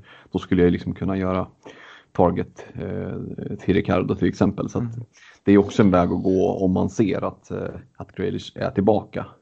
Precis, Son har ju visat ganska svag form. Jag tycker Kane ser riktigt, riktigt fin ut, eh, mm. måste jag säga. Mm. Han tycker jag är verkligen en spelare man bör kika mot om man inte har, kanske framförallt här nu till, till dubben i, i 26an, men även, även framåt med, med Spurs spelschema. Son däremot, ja, tror faktiskt man klarar sig ganska bra utan honom. Och jag tycker inte att det är självskrivet att man dubblar Keyneson i ett wildcard uh, här. Uh, även om det såklart mycket väl kan vara så att uh, Son kommer iväg med en, med en hel del poäng. Så där är en avvägning man får göra. Uh, ja men det kan man säga just det. Hade jag, in, hade jag suttit med frihet kvar då mm. hade förmodligen Son varit Harvey Barnes i mitt bygge mm. nu. Men, men, nu blir det liksom att jag vill ha ungefär någonstans runt 7-8 spelare så att jag ändå kan bygga upp en, ett i princip fullt bygge till 29 och då, då blir det ganska tacksamt att sätta sån i bygget. Dels för att de har en himla fin dubbel, alltså Burnley och Fulham liksom är ju ändå två skräpgäng så att det, det, de har ju bra chans. Och med match i 29 så blir det liksom det som väger över. Jag tror vi kommer komma det till närmare 29 men jag tror heller inte att man kommer behöva sitta sitta med 11 spelare som spelar i 29 utan eh, jag tror att man klarar sig där om man ligger på, på åtta spelare och man har rätt åtta så tror jag att det liksom fungerar rätt bra även mot de eventuella free hit-lag man ställs emot så tror jag att man tappar inte supermycket om man inte har riktigt, riktigt oflyt. Nej men så är det Däremot om du sitter med lite för få spelare och sen så sitter du till exempel inte på Kane som, Nej. Och, det, och det är de som flyger den veckan. Då kan, det, liksom, då kan det sticka. Så det blir lite coverage också över Mm. hela. Så är det. Ehm, yes, eh, utöver det så när vi pratar wildcard tycker jag det är intressant att säga så här, om man nu sitter med sitt wildcard, är ganska nöjd med bygget, eh, ja, då är det så här, ska, ska man dra det eller inte? Då kommer ju frågan, ja, nu eller när annars? Och då skulle jag vilja bolla upp ett förslag för att se om, om du håller med mig. Om Mm, det är så att man är nöjd med det, för en fördel med att inte dra wildcardet i den här veckan om man, om man har ett bra lag, det är att man, det är öppet att använda andra chips. Om man vill dra en triple captain eller om man eh, vill dra en, en bench boost eller, eller så. Eh, så fördelen med det, det är det bästa läget att dra wildcard i övrigt, om du frågar mig, det är inför Game Week 31. Eh, vi har blanken i 29 kan man, kan man klara den antingen med en free hit eller eh, i övrigt eh, så har vi en ganska hyfsad eh, svängning av spelschema där. Och de lag som, som då har, har gjort som du och jag och spelat bort mycket av sina chips nu och eh, man laddar upp för att liksom klara 29an. Eh, med lite leadspelare, med villaspelare och sådär. Och sen så går det in i Game Week 31 och då vänder deras spelscheman. Eh, om du då helt plötsligt kan sätta upp ditt lag för de sista Game Week 31 fram till Game Week 38 med liksom mm, det här laget går vi för. Då tror jag man kan eh, sticka ut ganska mycket mot template för de som eh, som ah, har, har spelat som vi gör och få, få en fördel. Så det är väl det läget som jag tycker att, eh, och anledningen till att jag säger 31 och inte 30 det är för att de spelare som spelar i 29 som, som har, de har ganska bra matcher även i, eh, i 30. Eh, Så när jag rekar och kollar lite framåt så tycker jag att 31 ser ut som ett bra wildcard-läge. Eh, Är det något du också har sett? Eller? Ja absolut, Nej, men jag ryggar den reken rakt av och inte nog med att spelschemat vänder utan då är vi ju inne även inne i ett läge där Dels så börjar liksom agnarna sållas från vetet i Europaspelet. eh, Så att det är en hel del lag som är ute därifrån men också är kvar och kanske märker, men framförallt som ett Europa League. Eh, Vi börjar röra oss framåt och se liksom, okej det kanske är semifinaler, finaler. Eh, där fokus helt skiftar. Det kan också vara så att ett lag är helt avhängt. Eh, Alternativt eh, har vunnit ligan redan. Så den typen av liksom skiftningar i fokus kan ju också börja komma där runt 30, omgång 31. Eh, så att, nej men det kan bli supertufft att sitta då och ha dragit i princip alla sina chips. Men det är ju ändå rätt spekulativt. Jag menar, som nu, jag, jag, vi har ju en liten chatt, du, jag och Stefan, där jag drog en bild till er och liksom, ska man verkligen dra wildcard när man har 11 av, av eh, eller 10 av 11 spelare med dubbel game week? Eh, Och det gjorde jag ändå. Eh, Så att vi hade ju en sån fråga, eh, lyssnarfråga förra avsnittet, ja, men jag är supernöjd med mitt lag. Ja, alltså jag var ganska okej med mitt lag också, jag var inte supernöjd, det ska jag, det ska jag inte säga. Nej. Men jag hade ändå 10 av 11 dubbelspelare, jag hade överlevt Double Game Week 26 eh, ut, utan liksom wildcardet. Men det hade ju blivit en väldigt, ett väldigt passivt spelande och jag kände ändå att jag ville liksom kunna växla över vissa tillgångar. Och ibland är det lätt att låta sig luras av de här dubbelmatcherna. Alltså, en dubbelmatch på fel spelare, hur mycket är den värd liksom, jämfört med en bra match på en single game week? Liksom. Vi såg en Bruno som är nu i Game Week 25 ändå levererar. Eh, och vi, vi pratade ju om det innan. Eh, han möter Newcastle, de är urusla. Vi satt och pratade om det i podden. att Ja, kommer han därifrån med mål och ass? Det är ingen chock. Ja, vad hände? Han kom därifrån med mål. Alltså, så att, nej, det, jag tänker man får liksom inte bli förblindad av att ah, men jag har så många spelare just nu som har double game week ändå. Jo, jo, men vad är, vad är det för spelare? Vad, är det spelare du vill sitta med eller är det här rätt läge att ändå växla över? Precis. Ja, men det är lite den, den typen av tankar som jag har gått med eh, och som jag tänker att de flesta som sitter med, med wildcardet kvar också borde sitta med. Ja, eh, nu har vi pratat väldigt mycket, mycket wildcard och framförallt ditt wildcard. Eh, ja. Men, eh, ja, nej, men jag, jag tycker det är härligt. Jag tror att eh, många av de spelare vi har pratat om nu kommer nämnas nu när vi går över till veckans rekommendationer. Eh, och börjar man med, med försvarsrekar så förra veckan satt du med Cancelo, Dallas och eh, Martinez. Mm. Det är ju faktiskt alla tre av de här som nu har nämnts i, i ditt wildcard. Så är det ju. Eh, men jag tänkte ändå att vi ska göra lite, lite liksom nya rekar. Eh, och det har inte att göra med att de här tre som satt är liksom dåliga, eller som sagt jag har till och med just nu i, i bygget. Så att, men, men jag tycker ändå det finns spaningar att göra och det är liksom lite kopplat till det jag var inne på. Cancelo får sitta kvar för jag tycker att den, den dubbeldubben som City faktiskt har, jag vet inte om vi, vi nämnde det, men de har ju faktiskt dubbel i 27an också. Mm. Um, Tror du att Cancelo kommer spela alla, alla fyra, ja, fyra. matcherna? Ja, men det sjuka är ju att alla fyra matcher är på hemmaplan. Ja. Så de har ju ingen resa, liksom West Ham, Wolves, United och Southampton alla hemma. Ehm, och det känns ju som att ja, men ska han vila Cancelo kanske det är i, i en, en match som United, jag vet inte. Ehm, där man kanske vill få in folk som är liksom försvarare som är lite mer defensivt fokuserade det återstår att se. Liksom. Vi får se hur, hur City ställer upp i, i Champions League här också. Uh, som sagt, det, men, men det är ändå liksom en, en dubbel, dubbel game week på bästa laget i ligan. Mm, mm. Det, det, smakar, det, det, är svårt att, att, att trada ut Cancelo i reken då. Mm. Ja, absolut. Eh, däremot så får Dallas och Martinez eh, göra plats för eh, Ricardo Pereira och Lucas Digne. Mm.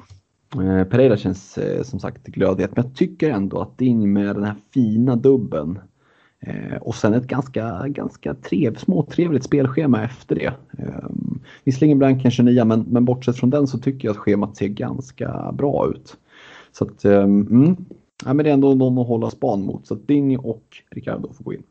Det köper jag rakt av. Um, uh, mina rekar från förra veckan var Cancelo, Shaw och Dallas. Uh, jag behåller precis som du Cancelo, även om jag kanske förväntar...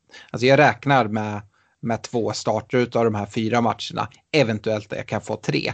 Uh, men oavsett så tycker jag att jag, jag sitter gärna kvar med Cancelo. Uh, uh, Luke Shaw tänker jag också sitta kvar med. Uh, som sagt, det finns ingen anledning att jag tycker att uh, ja, även om Uniteds defensiv släpper in en del mål så uh, någon nolla kommer ändå ticka in och sen är det hans, liksom, hans fina offensiva spel eh, som, som jag gillar.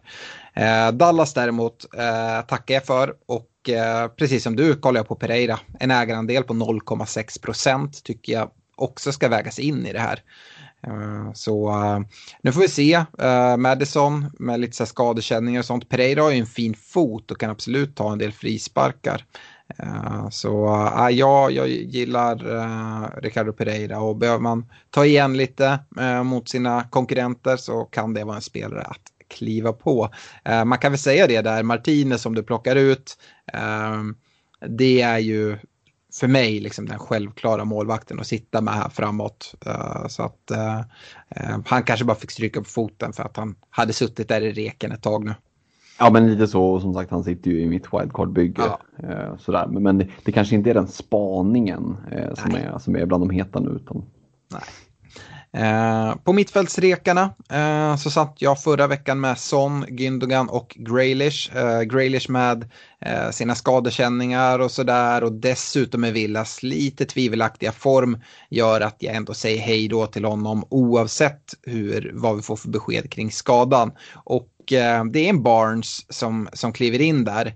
Eh, Son, ja han liksom jag vet inte, jag kanske ska bara byta honom också. Jag har ju haft någon sån här grej för mig att jag inte ska eh, ha med eh, Bruno och Kevin De Bruyne och de här gubbarna. Men om jag ändå har med Son, det är ungefär samma prisklass. Så jag stryker fan Son också nu här i liksom, i, liksom sittande inspelning och kastar in Kevin De Bruyne där. Eh, lite med samma anledning av Pereira där att eh, om man nu vill ta igen så är det läge att kliva på här tidigt för att han kommer inte sitta med den här låga ägarandelen om vi eh, blickar framåt någon, någon vecka bara han håller sig skadefri. Så att eh, för mig blir det Kevin De Bruyne, Gündogan och en Harvey Barnes.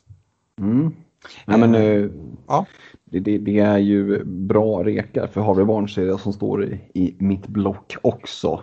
Uh, han får ersätta Rafinha. Uh, I övrigt så behåller jag Sterling och Son från förra veckan. Så Sterling, Son och Harvey Barnes. Yes. Uh, på anfallssidan uh, så satt du med, med Kane och Ings. Uh, mm. ja, hur, hur ser du på Ings nu här? Ja, alltså det känns ju väldigt, väldigt lätt att bara ta till att nej, men han var ju bänkad nu och så att Hampton ser ruttna ut liksom. Eh, så att det är enkelt att ta ut honom. Men jag liksom vilar lite på hanen i, i reken. Eh, nej, jag har ju inte honom i mitt, liksom, mitt wildcard-bygge och det, det kanske är ganska självklart. Eh, men de har ju ändå en dubbel, även om det sitter borta så är det ändå en dubbel som kommer i 27 nu. Och Visst, man blankar i 29 men i övrigt så ser ju schemat ganska trevligt ut. Man har Brighton hemma i 28, man har ett Burnley hemma i 30 och ett West Brom borta i 31. Crystal Palace hemma i 32. Så ska de få liksom vända det här, och när vi såg i början av säsongen att Southampton är ju ett bättre lag än vad de har visat här på slutet. Så att ska de vända det här, ja men då kanske det är mot den här typen av motstånd. Och, och Ings är ju en sån där spelare som, men han kan ju göra mål mot vilket lag som helst egentligen. Mm. Eh, så nej men Ings får sitta kvar. Jag sitter faktiskt lugnt i båten med Kane Ings och, och låter det vara så. Mm. Ja, men jag, jag förstår det helt och eh, jag gör en liten ändring på, på mina rekar. Jag hade ju Bamford och Kane och eh, som sagt Bamford är eh, inget problem att sitta kvar med om man fokuserar inför 29 Men vill man attackera nu eh, Game Week 26 så, så tycker jag att Kane och Calvert Lewin, eh, så Calvert Lewin tar alltså Bamfords plats. Eh, mm. Du var inne på det att liksom spelschemat ser ganska, ganska bra ut för Everton här här framåt också när du pratar Luka Ding. Eh, mm. och så är det ju även för, för Calvert Lewin. Och som sagt, eh, jag pratat om det här tidigare i tidigare poddar, men Evertons offensiv är ju nu liksom skadefri och eh, en, en Chames och eh, Richarlison och Calvert Lewin. Så han borde få liksom passningarna och inte minst Dign. Eh, han står ju som försvarare men Eh, spelar ju väldigt offensivt och kastar in bollar mot, mot Calvert Lewin. Så att eh, ja, eh, Kane och Calvert Lewin är mina anfallsrekar. Mm. vi ska gå vidare till den här kaptensdiskussionen inför Game 26 och här tror jag man kan stanna ganska länge. anledningen till att jag säger det är att jag tycker inte riktigt att det finns något givet val. Och många kanske tycker det är konstigt för att man har länge kikat mot den här gameweeken och här är solklara triple captain-läget på ja, men kanske framförallt Kane eller, eller Son med Spurs-matcher eh, och sådär. Men ja, när jag börjar syna det här så är det inte alls lika självklart tycker jag. Eh, ska säga det här, Game Week 26 har deadline på lördag klockan 12 det, och det är City och West Ham som, som eh, sparkar igång eh, Game Week 26. Men eh, varför inte börja med att och kika på Spurs? För att eh, på något sätt eh, är det ändå där jag, jag, jag vill börja. Eh, och eh, vi var inne på det tidigare. För mig är det verkligen så här att det är, ska jag sätta en kaptensbindel, då är det Kane eller inte Spurs. Jag tycker inte att sån riktigt eh, finns argument för att sätta binden på. Jag vet inte om du eh, tycker något annat där. Nej men verkligen inte, speciellt eftersom det finns så mycket andra bra alternativ så känns sån inte ens aktuell. faktiskt. Mm.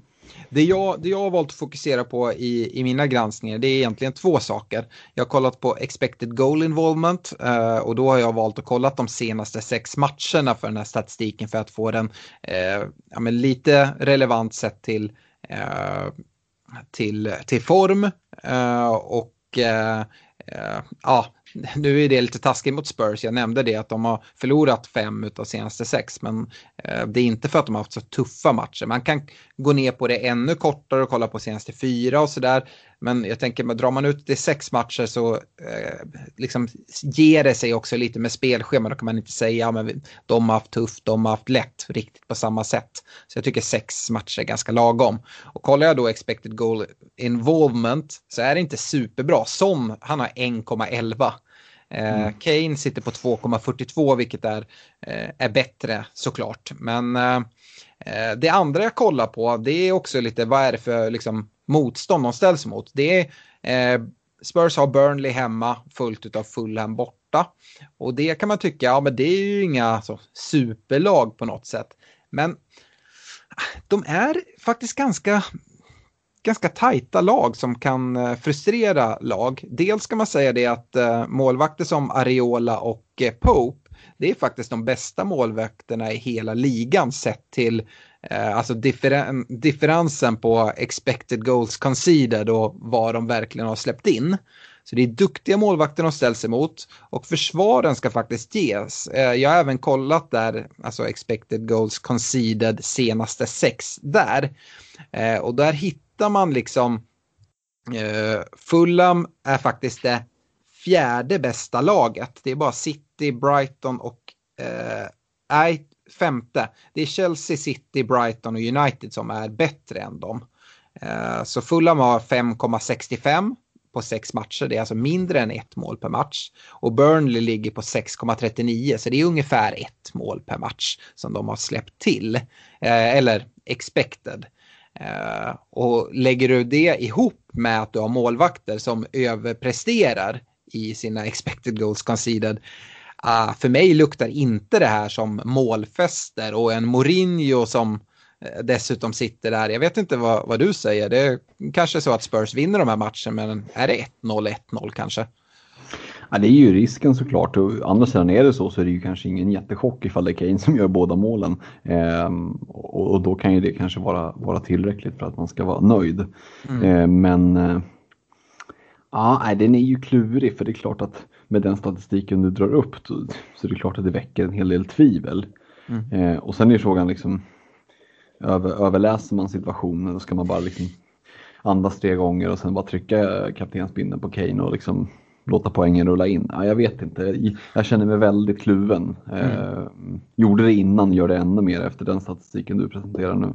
Ja, alltså det finns en anledning till att vi börjar med Spurs och det är för att jag håller Kane som ett av de absolut bästa alternativen. Men med det sagt skulle jag verkligen, verkligen eh, hissa en varningsflagg för dig som sitter utan Kane och kanske bara har Son i bygget att sätta binden där. Då tycker jag att det finns tydligt bättre alternativ. Eh, och nu går jag igenom de liksom, negativa sidorna med eh, liksom, hur det är. Men jag säger ju det, jag tycker att det finns negativa sidor med, med alla kaptener den, den, här veckan och vi kommer komma till de andra eh, lite senare. Eh, Kane tycker jag är ett bra alternativ och precis som du säger att blir det 1-0, 1-0, ja, alltså kan man få 1 plus 1 på Kane och förmodligen då förväntade eh, bonuspoäng där så, så är det ändå ganska bra och till och med läge för, för en triple captain. Um, men eh, som sagt, eh, vid en första anblick kan eh, Burnley Fulham se ut som riktig, riktiga mumma-matcher och det tycker inte jag att det är. Eh, går vi vidare och kollar på lite andra lag så tycker jag att vi kan eh, bunta ihop United och Liverpool. För att deras för och nackdelar de är ganska lika. Eh, pratar vi United, då är det Bruno. Pratar vi Liverpool så är det Salah. Håller du med mig i det? Ja, absolut. Nej, men det är ju inget snack. Det är de två det handlar om, de två lagen. Eh, United har dubbla bortamatcher, vilket inte är negativt för United. Det är Chelsea borta, följt av Crystal Palace borta. Och eh, Liverpool, de har Sheffield United borta och Chelsea hemma. Och då kan vi se det, ja men det är Chelsea som båda lagen har. Eh, och jag var inne på det här att de som hade bäst expected goals conceded senaste sex och faktiskt i topp där är Chelsea. Eh, lite före Manchester City som har fått så mycket hyllningar. Och Chelsea ligger på 3,13 de senaste sex matcherna, så det vill säga 0,5 per match. Eh, City ligger på 3,17 kan man också nämna. Eh, och där är de lite i en egen liga faktiskt, eh, de två. Eh, Eh, ja, tror att United och Liverpool kommer ha det riktigt tufft mot Chelsea. Sen så har de två bättre matcher. Crystal Palace borta för United är en riktigt, riktigt bra match och jag skulle säga även att Sheffield United borta för Liverpool är riktigt bra. Eh, den andra siffran som jag kollade på när vi kollade Spurs var ju expected goal involvement och eh, både Bruno och Salah trumfar både Kane och Son här faktiskt. Eh, till och med om man lägger ihop Kane och Son. Eh, Bruno har en eh, siffra på 4,44 vilket är riktigt, riktigt bra. Eh, det trumfas endast av några City-tillgångar och eh, Sala ligger också han över 4 på 4,08 så det är ganska, ganska bra, bra siffror där. hur eh, resonerar du kring de här eh, kaptensvalen och eh, om man ställer dem mot, mot Spurs-alternativen eller kanske framförallt Spurs-alternativet Kane? Ja, men jag tycker ändå att det finns, precis som du är inne på, mycket likheter mellan Fernandes och, och Salah. Det är liksom eh, Eh, lag som har sett lite tröga ut, spelare som ändå står på straffar och som kan leverera trots att laget ser ganska mediokert ut i övrigt. Eh, lite sådär liksom coin flip kan jag känna om du står och väger. Så låt säga att du sitter utan Kane till exempel. Eh, och, och, du känner att nej, men det är Bruno eller Salah. Ja. Då är det liksom magkänsla, det är svårt att säga att det ena överväger det andra. Eh, jag hade sagt Bruno. Eh, kanske för att jag ändå tycker ändå att eh, även om United inte såg superbra ut mot, mot ett Newcastle så, så har de inte sett lika risiga ut som Liverpool. Nej, och jag skulle till och med kunna argumentera, jag tycker att Crystal Palace borta är en bättre match än Sheffield United borta. Ja. Eh, sen så är det som du säger, det är straffskyttar. Det är faktiskt extra skönt när det är dubbelomgång för då ökar ju chansen att det ska bli en straff.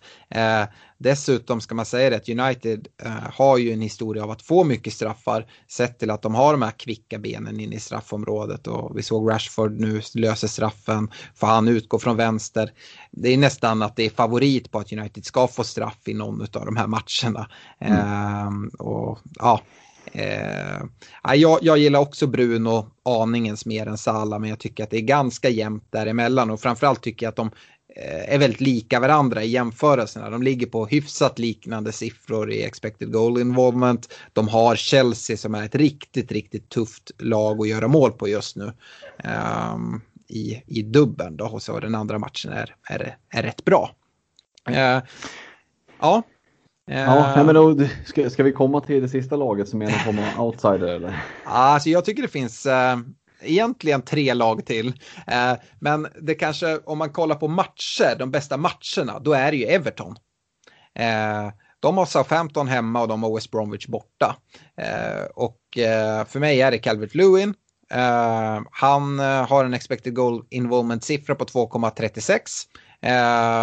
det är ju nackdelen för honom är att han inte är på straffar som vi liksom pratar om de övriga här Eh, och egentligen en ganska dålig assistpotential medan de andra eh, både kan leverera mål och assist. Det kan såklart Calvert Lewin också göra men det är framförallt för målen man har honom. Men matcherna ser riktigt fina ut. Som sagt, Southampton släpper tre här mot Leeds och släppte nio mot United och ja, men har ju sett riktigt risiga ut. Och Big Sam får ingen ordning på West Bromwich. Så jag tycker att Calvert Lewin absolut kan nämnas i en kaptensdiskussion. Jag vet inte om du ville gå direkt till City istället. Ja, det, var, det var ju City jag tänkte på utifrån att jag håller med dig om att Calvert Lewin har ett fint schema, eller Everton har ett fint schema. Men det är ju så att City har ju också ett fint schema eh, med West Ham hemma, Wolves hemma. Där ligger väl problemet mer i att man är livrädd för den här pepproletten. Um, ja. och, och, det gäller ju faktiskt både De, De Bruyne som är nyss tillbaka från skada, det gäller ju en Sterling som även om han är het eh, mycket väl kan vilas och det gäller faktiskt också en, en Gündogan nu när, när De Bruyne är tillbaka. Yes. Um, så att nej, jag kommer att avstå Citybinden eh, just för rotationsrisken och då tar jag hellre liksom ja, men, en Harry Kane som jag är i princip mm. säker på att han kommer att spela båda matcherna. Förutsatt att han inte drar en ankel som vanligt. Um... Ja, alltså jag, jag är så hård till och med att jag tar hellre Kane, jag tar hellre Bruno, jag tar hellre Sala, jag tar hellre Calvert Lewin än att vända mig till City. Sen så är det skulle inte alls förvåna mig att det är en City-spelare som tar den, den högsta scoren den här veckan. Frågan är bara vem och eh, det kan även vara så att det är en, en, spelare som bara får, får en match i City som tar en väldigt hög score. Men som sagt, det är så svårt att gissa. Pratar vi om de här expected goal involvement-siffrorna, ja men det toppas av Gündogan senaste sex på 4,96, alltså nästan en, ett mål per match. Sterling 4,72 och Kevin De Bruyne då med mindre speltid som ändå ligger på 3,19. Eh, så att, eh, ja, eh, det är liksom, City kan mycket väl göra en hel del mål i de här hemmamatcherna mot West Ham och Wolves. Eh, men även där ska man säga det, West Ham och Wolves har eh, Ehm, helt okej okay försvarssiffror. De ska möta City, det är klart vad är, vad är de här försvarssiffrorna värt, men någonting är det ändå värt. Eh, både West Ham och, och, Wolves, de ligger där någonstans kring, kring ett mål per match ehm, eh, i, i insläppta i expected. Um, pratar man då istället som, som jag var inne på Everton, ja, men då har de Southampton hemma på Goodison.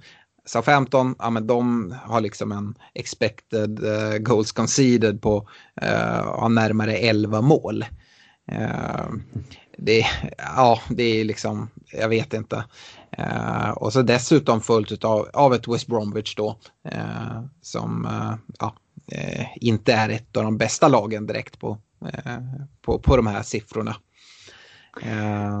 ja. men det, det, det, är ju så, det finns ju massor med val här och, och, det finns liksom egentligen inget rätt och fel utan vad som är rätt för dig kan, kan vara fel för mig och tvärtom. För att du har ju liksom det du tävlar om i overall rank, men lite som jag nämnt tidigare avsnitt att nu börjar det även dra ihop sig i miniligorna. Eh, har man en egen kompisliga där man ser att man kanske tävlar mot två eller tre enskilda spelare som ligger, eller människor som ligger ungefär i samma härad av, av liksom po totala poäng som en själv.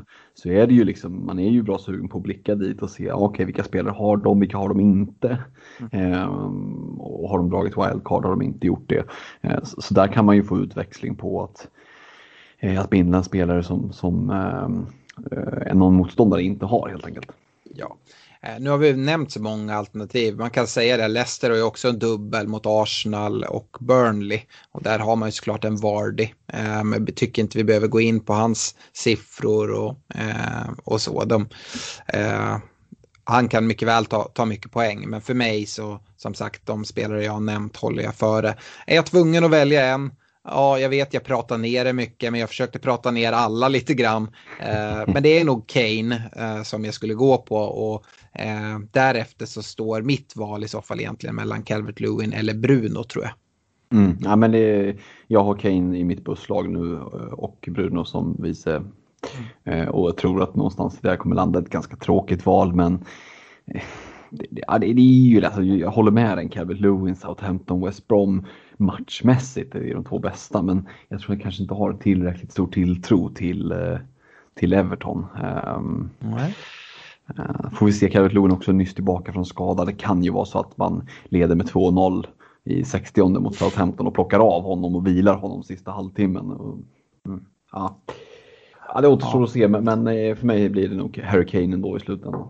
Ja, jag tror inte att du kommer vara ensam med det valet. Uh, det kanske inte är det du söker heller. Uh, hur, hur, ser du för övrigt på triple captain? Är det, är det nu det ska dras om man inte har några nå andra, uh, andra chips som man ska dra eller tycker du att det finns anledning att, att kika? Det kommer ju finnas en del så små, små dubblar här framåt. Mm, jag, jag, tycker ju att det är läge att trycka av det nu. Det finns så mycket bra val. Ehm, och det är klart att sannolikheten att en, en eh, vice bindel aktiveras är ju jättelåg men mot all förmodan skulle någonting hända och någon blir sjuk eller sådär så, så finns det liksom fina val som backup. Men bortsett från det så, så tycker jag att det finns liksom flera alternativ som jag hade kunnat tänkt mig att och sätta en triple captain på om jag inte hade varit på wildcard. Eh, jag hade lätt kunnat tänkt mig att trycka av den på Kane jag hade kunnat tänkt mig att liksom chansa med en triple captain på Bruno eh, utifrån som du säger Crystal Palace borta i riktigt fin match. Och vill man spela liksom, ja, men, riktigt, riktigt högt, ja men en triple captain på Calvert Lewin, ja why not? Mm. Ja, det, det, det som är roligt är att det finns fler alternativ. Så här kan man välja och lite hur man vill spela och kanske kika lite i sina kompisligor om man jagar att uh, ta en chansning. Mm. Om, du, om du hade haft ditt kvar, hade du lirat det den här veckan tror du? Mm. Ja, jo men det hade jag väl kanske. Jag sitter inte med Kane i mitt bygge just nu.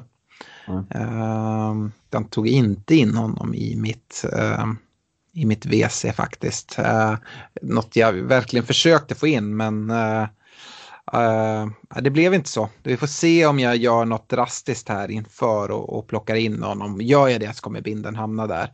Som sagt, det finns andra alternativ på kaptenssidan och uh, ja, jag, eh, jag tycker inte att man sitter helt liksom. Jag, jag ser inte det som en självklarhet att Kane kommer vräka in uh, mål och poäng här i, i 26an heller. Det finns liksom ingen garanti och heller ingenting eh, när man kollar liksom bakomliggande statistik, både eh, för försvarsstatistik för, för lagen de ska möta, men även Keynes statistik, så, så säger det ju inte att det kommer, kommer regna in poäng. Uh, så ja, nej, vi får se vad, vad som händer. Och jag vet inte riktigt hur jag hade agerat, men hade jag haft Kane kanske jag hade tryckt av en triple captain. Det är ganska skönt att bli av med de här chipsen också. Ja. Man sitter och våndas varje vecka, är det läge nu eller ja. Ja, lite så.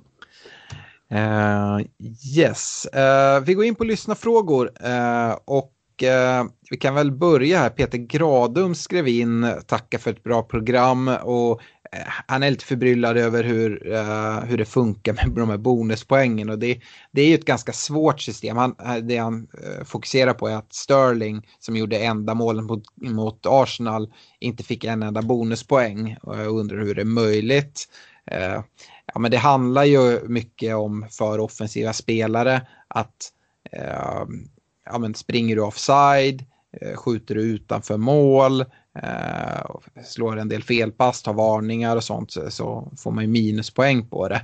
Eh, City har ju, när det blir ganska så här eh, lågt, eh, alltså inte så många mål i en match, så har försvararna ganska lätt att ta, ta poäng då det är mycket passnings, eh, liksom hög eh, accuracy på, på passningar och många passningar i försvaret och så som gör att de kan knipa åt sig en del poäng. Uh, så att uh, ja, jag, jag, har inte kikat in just i Sterling-fallet men jag kan anta att det, det är det som, som påverkade. Uh, eh, Erik Wallqvist, han eh, tänkte skeppa någon av Dunk, Dallas, Raffinja och Bamford inför Game Week 26. Han har 3,8 miljoner på banken och undrar vem man ska plocka ut. Han har dessutom free hit kvar så han behöver inte tänka på bygge inför liksom, 29 där. Sen har han skickat in sitt lag så det är ganska svårt sådär men är det någon av de spelarna som du tycker, till exempel, ja men, jag tycker han gör rätt i att kolla på de här eh, som vi som inte har free hit eh, kanske gärna håller kvar i liksom med, med, med som har Leeds-spelarna och Ja, Leeds och Dunk mm. i West Brom och, eller i, i Brighton och sådär. Nej men absolut, Dunk går ju då med, med så mycket pengar på banken att göra till en Ricardo till exempel. Eh, mm. Eh, hade ju varit ett ganska enkelt byte, tycker även att en Rafinha, eh, då är frågan 3,8 han ligger på 5,3, det är 8, du är strax under 9. Mm. Ja, alltså du, du, där kan du plocka in Harvey Barnes fortfarande har pengar kvar. Eh, beroende lite på hur många byten du vill göra. Så, så. Ser jag hans bygge som han har skickat in så sitter han bara med dubbelt city. Han sitter med Cancelo och Gündogan. Mm. Uh, så det skulle ju kunna vara att gå, gå in på city mer.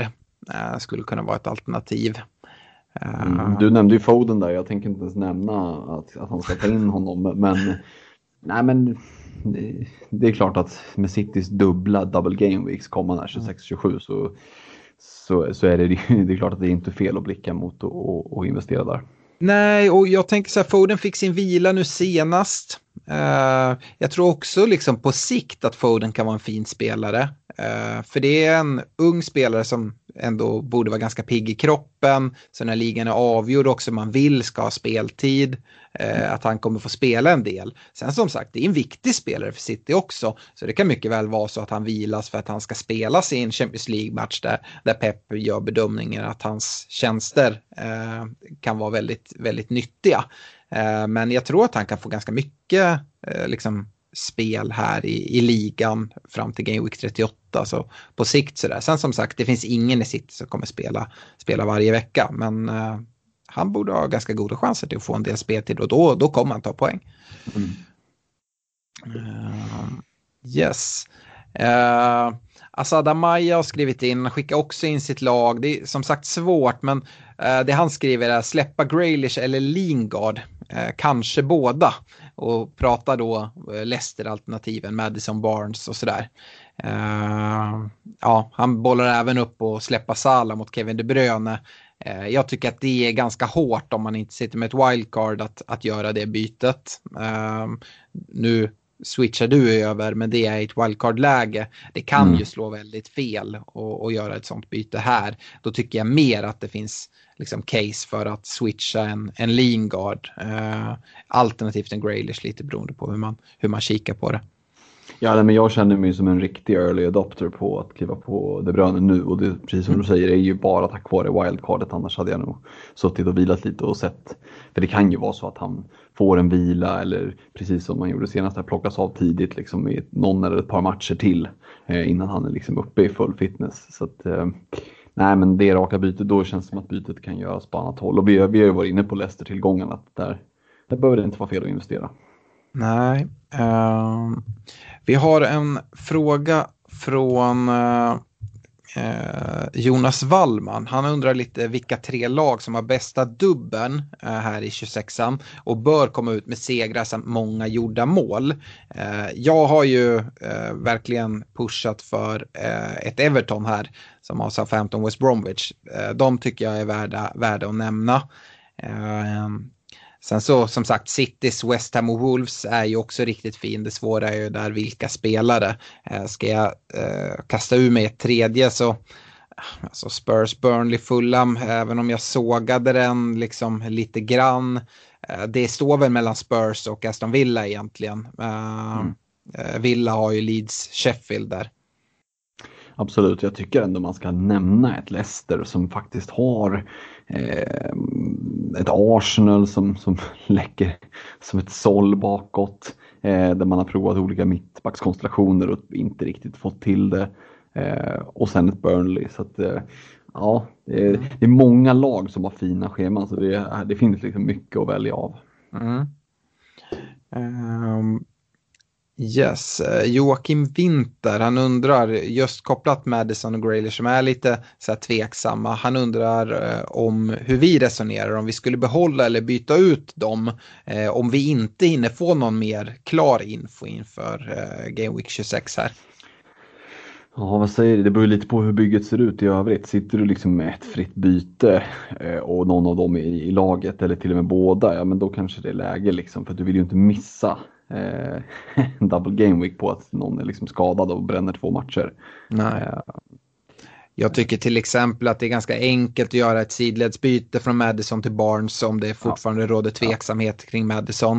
Uh, en Graylish är lite sådär också beroende på hur det ser ut. Om, om man behöver planera för 29 så kan det vara sådär tufft att offra ett byte på att byta ut Graylish. Uh, samtidigt så är ju Villa i en liten jobbig form och sådär. Men det beror lite på vad, hur man har tänkt lösa 29an. Ja, och lite hur bygget ser ut också inför 26an. Det kanske är mm. så att det inte är hela världen om, om, om Gradish hamnar på bänken. Liksom. Eh, mm. Och, och, och, då menar jag inte att du, att du måste få in en dubbelspelare, men du kanske sitter med en eh, Ja, vad vet jag, en, en Brighton-försvarare och känner att ja, ja, men jag kan ta West Brom borta. Liksom. Det är ändå stor chans till en nolla. Ja. Mm.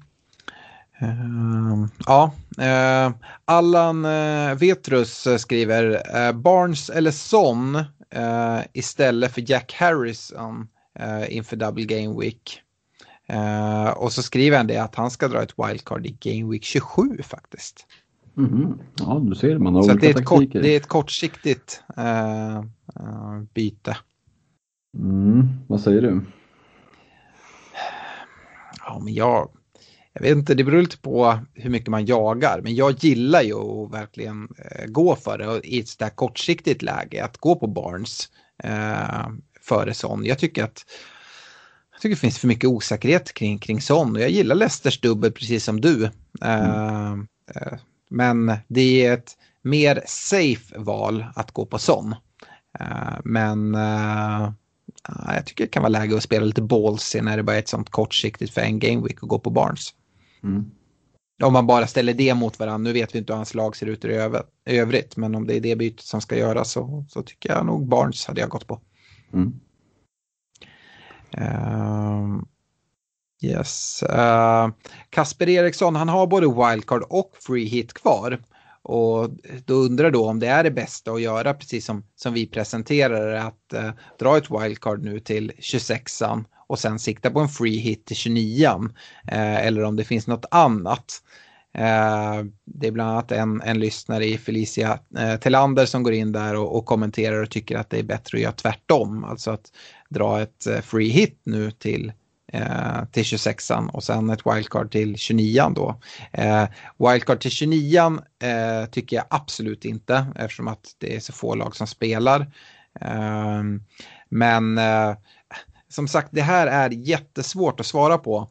Eh, jag tycker generellt sett att ett wildcard nu i 26an och så free hit 29an är ett ganska bra alternativ. Men har man ett bra lag nu till 26an också eh, så liksom Eh, kan det ju finnas ett case att Eh, eh att, eller ett bra lag för, som liksom är redo för 29 hyfsat, att dra en free hit i 26an och dra, dra wildcard till 31an som jag presenterar om man vill attackera det på det, det sättet. Men det som flest gör tror jag ändå är en, ett wildcard här i 26 och löser 29 med free hit. Vad, hur, hur tänker du? Nej men den liksom alternativa teorin där med, med free hit i 26an och sen uh, wildcard inför 31an det är ju det är liksom en en spännande lösning som jag kanske skulle föredra om, om det inte var för det här huvudalternativet. Men mm. i min värld blir det lite att övertänka det. Eh, fördelen med Game Week 26 att dra wildcard som jag har gjort nu det är att Eh, du har att välja på väldigt många spelare när du ska kika på vilka vill jag ha inför fortsättningen av säsongen. Och så väljer du ut dem och så inser du att oh, ganska många av de här har också double game week. Mm. Eh, det är ju ganska ovanligt att vi har så här stora double game weeks. Mm. Eh, och i vanliga fall så kanske man liksom, ah, jag slänger in de här tre, fyra stycken som, bara för att de har double game week. Jag vill inte ha dem egentligen. Eh, och det känner inte jag att jag har behövt göra när jag har satt mitt, mitt wildcard-bygge. Därför tycker jag att läget blir liksom aldrig så bra som nu att faktiskt dra wildcardet. Mm. Ja. Eh, Kviding, han är inne och pratar kapten. Han kikar på en triple captain. Eh, han har Kane just nu. Men han funderar på att sätta binder på en Cancelo. Frågar om han är galen eller om det skulle eh, göra honom till ett geni. Jag går på galningsspåret. Ja, gränsen är ju hårfin och det är väl liksom bara utfallet som kan bekräfta liksom det. Men spontant känns det ju som att ska du, liksom, ska du flyga med en trippelbindel på Cancelo då ska du ha nollorna och ja, då hade jag nog velat se andra lag. Han ska ju dessutom starta båda eller få 60 minuter ja, i båda. Precis, precis. Det, det också på det. Nej, nej, alltså trycker du av en triple captain så gör du ju det på, på en offensiv spelare, speciellt när det finns så många bra att välja på. Det brukar ofta kunna komma som ett motargument att eh, oftast i de här dubbelomgångarna, så de som tar mest poäng, det är en liksom, försvarsspelare som i liksom, ja, med Stones har vi sett tidigare den här säsongen och, och lite sådär. Problemet är ju bara att hitta vilka försvarsspelare det är. Eh, det finns många försvarsspelare som inte alls eh, levererar i en, i en dubbelomgång. Så att, eh, jag avråder från det.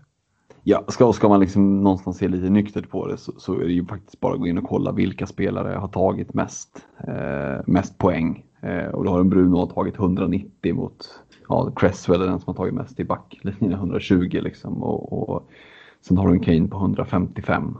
Mm. Eh, Salah på 164 så att rent statistiskt så känns det ju ändå som att en offensiv trippelbindel är ju att föredra. Ja. Eh, just på triple captain-delen så hör Claes Briland av sig och undrar om det är nu till, till 26 man ska trycka av den eller om det kommer bättre omgångar här fram, framöver. Eh, och vi var inne lite grann på det där. Jag tror ändå att om jag hade haft min triple captain, jag hade tryckt av den nu. Det kan vara så att det kommer något annat läge som skulle kunna vara ungefär lika bra. Men jag tror inte det kommer vara något som är självklart mycket, mycket bättre än just det här. Nej, och det är också det att Sparar du det så kommer du hamna till slut i ett läge där du inte har något val att spara det. Och då sitter du med att du måste dra det. Och det kan ju vara så att du sitter och känner yes, vilken tur att jag sparar det. Men det kan också vara så att du känner att ja, hade jag fått välja nu så hade jag nog kanske sparat igen. Men då finns det liksom ingenting att spara till. Eh, och, nej men nu är det ett bra läge. Det, det kan man ju säga, nu är det väldigt innan matchen har spelats. Men, men läget som är nu är ju liksom klockrent. Du får ju typ inte ett bättre läge utifrån att det finns så många olika att välja på det gör ju också att eh, oftast när vi ser triple captain-lägen då är det ju liksom en given. Eh, det är en Sadio Mané mm. eh, som sen drar en, en, en baksida. Eh, det var väl mot, det var väl samma dubbel som City har, var det inte? När han skulle väl möta både West Ham och Wolves. Jag vet inte, men jag behöver inte prata om det för att jag var där. du var där och nosade, eller mm. kanske till och med losade. Ja. ja. Eh, nej, vi ska, vi ska inte prata mer om, om just det, men nej, det, det gäller ju liksom att, att, tänka till och jag tycker att ser man nyktert på det så kommer man inte att få eh, ett bättre läge givet vad vi vet. Sen kan det ju dyka upp saker men, men så som läget ser ut, vi har liksom tid på oss. Då hade jag dragit triple captain nu. Jag har ju dragit mitt wildcard så jag kommer ju sitta kvar med det. Eh, men eh, hade jag inte gjort det så hade jag dragit triple captain. Ja, det är mycket wildcard-frågor och det passar ju bra i ett sånt här avsnitt där vi verkligen har lagt mycket tid att prata wildcard. Men eh, både Daniel Hidgård och Mikael Öhman äh, sitter med, med wildcard-draget och de har Cancel och, eller de har liksom två försvar, City-försvarare och och Gündogan framåt. Men funderar och kikar mot Sterling, Kevin De Bruyne istället för Cityback. Och, uh, kan det vara värt det och vem av dem ska man gå på? Uh, vi har väl pratat om det här en del. Uh, jag tycker att det är inte fel att gå två, två City-försvarare och en mittfältare. Eh, som sagt, Citys försvar är riktigt, riktigt bra. Eh, men skulle jag helt få välja skulle jag hellre ha mittfältare. Men det är ju liksom hur man får ihop helheten av laget. Mittfältare finns det ju så många andra bra som man kanske också vill ha. Eh, i valet Sterling Kevin De Bruyne tycker jag ändå, alltså båda är lite av differentials men uh, jag, jag lutar Kevin De Bruyne uh, i, i det läget. Mm. Nej, men jag gjorde så när jag byggde mitt wildcard-lag nu att Eh, Cancelo och De Bruyne var ganska givna i laget. Gündogan kom liksom till där i slutet när jag, mm. ja, som jag inne på tidigare, insåg att jag kan liksom inte gå utan honom. Men, men jag skulle nog säga att för att hitta rätt balans i just det bygget man, man får ihop. Sätt en, sätt en försvarare, en mittfältare, för det vet du att du kommer att ha. Och så bygger du det övriga laget så kommer det liksom ge sig själv var det finns utrymme. Mm. Eh, och det beror ju som sagt helt på vilka övriga spelare du vill ha med. Eh, så mittfältet är ju trångt alltså. Ja. det, det, um...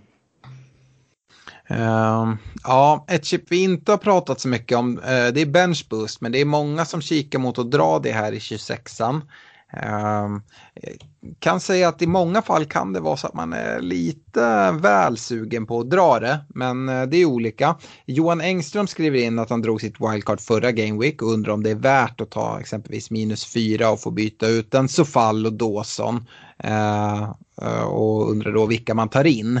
Alltså problemet, nu har han skickat in sitt lag så jag sitter med det här det är ju att han, precis som jag och som de flesta som drog ett, eh, ett wildcard förra veckan, eh, de sitter med trippel leads. Så de har Dallas, Rafinha, Bamford i det här läget. Så visst, han kan byta ut eh, Sofall och Dawson och få in några dubbelspelare där. Han har dessutom Saka som också har single game week. Så att när han kollar på sitt lag och tycker så här, men nu är det ett bra benchboost-läge.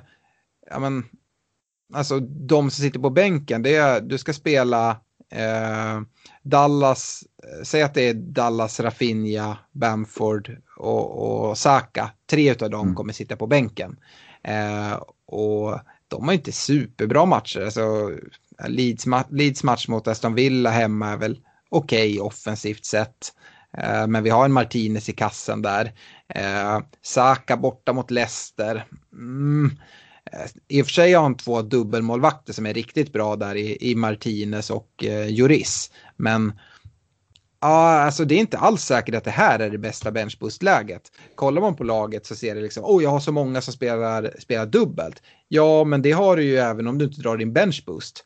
Mm. Uh, så att det är inget självklart läge tycker jag. Och dessutom att då börja prata minus fyra Uh, alltså då ska du ha ganska tur på, på din benchboost just i det här läget skulle jag säga. Ja, jag tycker du... I Johans läge tycker jag inte att det är ett benchboost-läge. Nej, och om du säger liksom bra minuspoäng här, då, då ska du träffa den riktigt rätt. Och, och just den benchboost har ju blivit, det har gått lite, lite, lite en sjuka i att man måste dra benchboost och få in spelare med double game week. Så det kan jag tycka är lite missvisande. Alltså, eh, det finns ju gameweeks när man, sitter, man sätter folk på bänken som har liksom fina matcher och det kan räcka med en bra match. Mm. Um, så att, nej men eh, stirra sig blind på att det måste vara dubbla, nej det behöver man inte göra utan det, det, kan vara så att du kommer veckor längre fram när du sitter med en bra trupp uh, och, du kan liksom få in uh, spelare med bättre matcher. Men sen kan det också vara så att du har byggt med dubbla målvakter och tänkt att kanske byta ut det, jag vet inte, med det är två ganska premiums. Det var det sista jag egentligen tänkte skjuta in. Det är väl det som talar för att spela eh, Benchbus den här veckan. För han har ju två riktigt bra, bra målvakter för det här som har, har dubbel i, i Juris och, och, och Martinez. Så att, eh, ja, det skulle vara av den anledningen för att sen liksom kunna växla ut en av de här målvakterna. Eh, men eh, i övrigt tycker jag liksom hans bänk inte ser ut som någon så här super eh, benchboost-läge. Det är målvakten egentligen han vill, vill få in och det är alltid positivt att ha, ha målvakter i, i double game weeks. Eh, så att det skulle kunna slå, slå väl ut men eh, ja, eh, jag vet inte riktigt. Det, och den andra avslutande frågan är ju på samma spår. Det är Ludvig Wallin som skriver det. Hur mycket minus är det värt uh, för att få ihop ett riktigt fint benchboost-lag. Och som sagt, det är inte värt så mycket minus tycker jag. Eh, det beror liksom lite på. Det kan absolut vara läge att ta minus, men kanske inte bara för benchboost. Det är i så fall också att det är spelare man vill ha på sikt. Eh, om det bara är för benchboosten, då tycker jag inte alls att det är värt att ta någon minus överhuvudtaget om jag ska vara helt ärlig. Nej, det är ju mer ifall du, alltså, sitter med ett bygge där du har ett riktigt bra benchboost-lag förutom två spelare som är mm. skadade eller avstängda. Ja, och eh, som och kanske liksom- dessutom liksom... är ett liksom, problem framåt som man inte vill ha. Eh, eller för att få in spelare som man absolut vill ha framåt. Mm. Uh, som har bra matcher. Uh, men annars tycker jag, uh, ta det lugnt med minusen just för att liksom bygga benchboost-lag. Jag, Eh, som sagt, det är väldigt många som gör det. Känns, jag har också varit där. Eh, men skulle säga att det är faktiskt ett av de kanske vanligaste nybörjarmisstagen att göra. Eh, att man liksom stirrar blint på det och det kan se jättefint ut sen att man får en, en bra score. Eh, men nettoscoren blir inte speciellt bra i alla fall. Det är det man måste ställa det mot. Att om jag inte hade tagit de här 12 minus eh, så ja, då hade jag kunnat haft liksom 10 poäng mindre men ändå haft en liksom bättre nettoscore. Ja, ska vi, ska vi avsluta så eller? Ja, men vi stänger det här monsteravsnittet och, och tänker att eh, eh, wildcardet får, får bära eller brista men vi hoppas att det flyger. Ja, precis. Jag, jag önskar alla stort lycka till som har dragit eh, något, något chip här inför 26an. Eh, och eh, som sagt, det blev ett långt avsnitt, men eh, som sagt, vi vill ha mycket, mycket fokus på wildcard och eh, kaptensdiskussionen. Så jag hoppas det är något som, som uppskattas och så är vi tillbaka igen nästa vecka. Eh, ha det bra! Ha det gott, ciao!